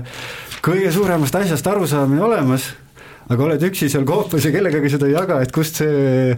et kui, et kas see nüüd ei ole nagu näiteks isekas või egoistlik või, aga ja noh, et ma ei teadnud, et, et kui ise tahta, et kuhu poole pürgida, et võib-olla ma saaksin ka Heraklusest kõige suurema tarkuse juurde aga noh, muidugi see ei ole nii üks-null mustvalge, neid äh, teadmeid on rohkem ja mulle meeldis Lepajõe see vastus oli see ka, et vaata, et kui sa lähed kuhugi piirkonda, kus on palju selliseid kloostreid ja nagu vaimuga tegelevaid inimesi, kes kas või ei räägi, siis sa ikkagi seal ümber juba tunned äh, teistsugust olemist, eks ju, et see, et ainult see plähmerdamine pole ka, eks ju, see, see side võib olla mitmetahuline, jah. eks, eks meie kultuur ja meie kujutlus sellest, äh, noh, seesama aparatuur, millega me suudame reaalsust tajuda, on ka ja. väga mõjutatud eh, sellest keelest eh, kui põhilisest töövahendist mm. ja, ja kerge on jääda eh, noh, sellesse arusaama, et, et nüüd kui midagi ei ole võimalik sõnas väljendada, et siis seda ei olegi võimalik ei väljendada ega kogeda, et, et see ju päriselt niiviisi ei ole nii et, et eks sellel, eks luuletustel on ka oma pahupool siis ilmselt. Et kõike nagu, pole nagu mõtet, kõike pole mõtet luuletusse pakkida, võiks olla see ka moraal. Aga üllatav, üllatav, et äh, heas täies seltskonnas olen pannud tähele, läheb või sihuke läheb aeg kiiresti, kümnekonna minutiga siis äh, otsast sundi nüüd kahte tundi ära mahutada ka ei ole, aga, aga sinnani me oleme enam-vähem sihtinud, et et mõelda, kuidas see jutuajamine kokku tõmmata, ma tuleks siia tagasi, kuivõrd see mulle endale olnud niisugune südamele, mulle tõesti see intervjuu Peter Sjöstedt Hughes'i, Hughes'iga siis tõenäoliselt mm. on see õige hääldus mis ilmus nüüd meie viimases lehes, see oli, no minu jaoks see tõmbas väga mitmed erinevad niidid kokku, et, et ja sa ise tegid selle intervjuu? jah, mina ise ja ikka jah, ise ikka jah, et, et siin ta ütleb sellise ja siin on siis juttu kahest renessanssist, psühhedeelne renessanss ja metafüüsiline renessanss, ehk siis suur pööre äh, lääne filosoofias, mis noh, mina, ma olen järjest enam veendumus, et kui me mingigi tahame, et mingi ellujäämislootus säiliks, et siis see on tarvilik tingimus, see ei pruugi olla piisav, siin peab õnne ju kõva, kõvasti olema, aga et see üldse saaks juhtuda, on seda suurt, suurt pööret vaja, siin ma olen selles suhtes äh, Uh, mu veendumus selles äh, kasvab ja ma loeksin siin igas intervjuus on meil siin seitse väljatõstet olnud uh, tavaliselt ja, ja siin on üks uh, väljatõste sellest intervjuust, mille, palun võtaks teie kommentaari siis et materialism, võtame isegi pikemalt, äh, meil läks jutt Spinoza filosoofiale, see, et Jumal ja loodus on üks, eks, äh, mis on tõenäoliselt üks selle pöörde oluline koht, et ja ma siis ütlen, et Spinoza filosoofiat ei saa ju ka teadusvastaseks kuidagi tembeldada mm., nagu see käib meil siin kiiresti, eks. ja seda kindlasti mitte, et Albert Einstein pidas Spinozat suurimaks moodsaks filosoofiks just seetõttu, et see ei vastandanud mateeriat teadvusele ja näitas seega väljapääsu Descartesi dualistlikust tupikust tänapäevane teadus on oma põhiolemuselt endiselt dualistlik. kõige järjekindlamad materjalistid peavad teadvust illusiooniks, sellest on meil siin juttu olnud, eks. aga võtavad omaks Descartesi maailmapildi teise oletuse. oletuse elutust, eesmärgipäratust, kogemisvõimetust ja seega ilma igasuguse pühatuseta mateeriast ja nüüd on see väljatõste siis mille kohta ma tahaks, see oli pigem taust sissejuhatus, et see oleks siis küsimus või kommentaar seda siis niimoodi või palve seda kommenteerida, et materialism ei ole aga teaduslik teooria, vaid metafüüsiline õpetus, millel lääne teadus rajaneb. suurem osa teadlastest ei anna sellest endale ise aru. see on lihtsalt üldiselt omaks võetud oletus, eriti just bioloogias. pärast kvantrevolutsiooni on materialismi mõju füüsikas oluliselt vähenenud, aga bioloogias valitseb see edasi, et äh, lõpetaks siis selle, sellega, et mis, kes tahab otsa lahti teha siia juurde kohe sobib ka see, kus Krohvi enda, kas nüüd raamatus, intervjuus, eks ta on seda mitu korda öelnud, et et, et tegelikult ta tsiteeris kedagi teist, et mis asi on ateism, et ateism on see, kuidas Jumal mängib iseendaga peitust, vaata, ta loob selle olukorra, nüüd on seesama jah, et see on mat-, mis sa nüüd, eks sa ütlesid, materialism on on yeah. metafüüsiline looming, eks ju, ja täiesti aus ju vaata, ta on mingi tööriist, noh, tehti näiteks selline reha vahepeal ja ta riisub ikkagi mingid asjad jumala hästi kokku, eks ju. päris välja kui, jah. ja siis Väga miks, et, et kui nüüd sinna kinni ja minul pole, võib-olla see tuleb jälle kogemata juba sealt noorest peale, et ma olen nagu seda suuremat maailma olemust oma mõttes seal kuidagi püüdnud vaadelda, et siis äh, jah, et nagu niisugust ilgelt mustavalget häda selles ei näe, aga tuleb jah, just me oleme selles ajas, kus peaks nagu ületama seda ütleme, kobat äh, materialismi või kuidas te ütlesite, et kuidas need ekspertlikud arvamused ja asjad, et, et, et seda ka, nagu targalt nüüd ületada ka, et ongi edasitee, edasitee suudab võtta rohkem arvesse minu arvates aga nii ta on ja see on jah, ühe ajast võib-olla, võib-olla kogu, kui võtta, nii et me oleme siin ühed väiksed killukesed ja võtame veel kümnendat aastat edasi, et ta oli ühe inimese arengu ajajärgul kohane tööriist, nagu nii äkki mm. -hmm. jah, see reha metafoor oli minu arust väga mm. õnnestunud, ole hea. jah, eks, eks see õnn äh, meil on tegelikult, et äh, et et ähm, suures plaanis äh, need paarsada aastat on köömes et siia-sinna midagi juhtus, aga, aga noh, meile tundub äh, sellised suured mõttevoolud äh, tunduvad tohutult hiiglaslikud asjad, et tuli nii kõvasti peale Descartes, et, et mitusada aastat hiljem ikka ikka veel, me ei suuda välja näha sellest kastist, kuhu ta meid paigutas või kuhu noh, mitte et, et nüüd Descartes oleks paigutanud, aga oli, sattus, sattus mõjukate inimeste kätte, kes mõtlesid edasi ja, ja, ja defineerisid mingi teooria kaudu siis seda, kuidas, kuidas me täna käsitleme seda kuidas me maailma tunnetame, noh, ega me võime ükstapuha missuguse teise mõjukama teooria võtta psühholoogiast, kas või, kas või behaviorismi või, või kas või psühhoanalüüsi, eks, et eks need annavad omad Instagrami filtreid meile, mille kaudu maailma Täpselt. kogeda ja, ja käsitleda. ja mis noh, nende Krohvi äh, käsitletud teemade niisugune ühendav sõnum ük, üks sõnum võiks olla, on ikkagi, et nad tuletavad meelde meile seda, et, et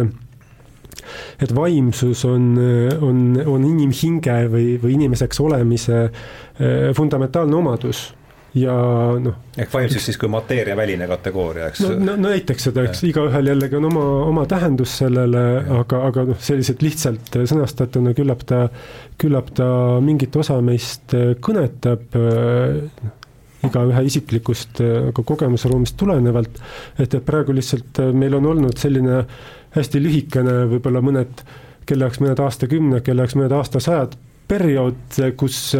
kus see vaimsus äh, ütleme siis masside jaoks ei olnud nii tähtis teema, et olid teised asjad, kah väga tähtsad asjad, et, et noh, praegu natukene on tunne, et võib-olla see faas on nüüd läbi tehtud ja, ja tuleb jälle see vaimsuse teema ka pilti tagasi, et, et muutub nagu olulisemaks ja see võib tähendada paljusid asju, aga aga, aga üks lõhe, mis tundub, et on kokku kasvamas, ongi ikkagi lõhe selle, selles tunnetuses, et et on, et noh, keha ja, ja vaimu või mateeria ja hinge äh, vahelises ületamatu sees, et ähm, et kui me kogeme asju, mis, mis ei ole nii-öelda päris normaalsed, siis, siis sageli nende kogemuste sisuks või üheks, üheks nagu läbivaks liiniks on, on selle lõhe puudumise tajumine, et, et seda, seda päriselt ei ole olemas, et et paljud asjad, mis me oleme arvanud seisvat üksteisest lahus, tegelikult on, on omavahel seotud. Ja et see seotus äh, noh, avaldabki kusagil sellisel äh, tasandil või sellises kvaliteedis või dimensioonis, mida me pole äh, mingil põhjusel harjunud üksikisikute ühiskondadena, kogukondadena tunnetama, teadvustama ja käsitlema see ei tähenda, et see olematu oleks, lihtsalt, et ei ole, ei ole märganud rääkida sellest äh, kategooriast mõnda oleme aega. olime otsustanud kogeda teistmoodi mm. maailma. no oleme otsustanud jah, selline kollektiivne ja, otsus, et ja. tahtsime, et, et vaidlesime naisega, kuhu puhkusele minna, et üks tahtis minna, et, et Descartes tahtis minna Marseille, Marseille'sse näiteks. Marseille'sse ja, ja tema naine tahtis minna mm, Kairosse ja siis tegime kompromissi ja läksime Kairosse. et noh, kuidagimoodi need otsustamised tekivad, et ja, ja noh täna, kui meil seda kommunikatsiooni on nii palju, siis, siis seda müra on mingis mõttes rohkem, aga samas neid suuri hoobasid, kus, kus me teeme valikuid, et, et mida me siis, mida me siis arvame maailmast ja kuidas me seda tunnetame, et neid suuri hoobasid on ka nagu hirmus palju. et, et, et, et huvitav aeg, huvitavad vahendid meil käsi kasutada praegu ja väga huvitav, et kuhu, kuhu see pendel siis nüüd langeb, et oleme siin tõdenud, et viisteist aastat või kakskümmend aastat on äh, tagasi vaadates tunne, et, äh, et need teemad on tulnud suurema pilti, et me oleme aktsepteerivamad selle suhtes, et et kõik ei ole nii mustvalge, et et, et võib-olla nagu jõud või, või kategooriad, mis me alles, alles äh, mõnikümmend aastat tagasi välistasime, nagu mille olulisust me ei hinnanud väga kõrgelt, et, et võib-olla need siiski on nagu tähtsad. Ja mm, ja kena, kui me saame seda jälgida nagu nii turvalisest kohast, nagu me täna seda siit raadiolava tagant teeme, eks ole, võib-olla võiks olla hullemaid kohti. Oh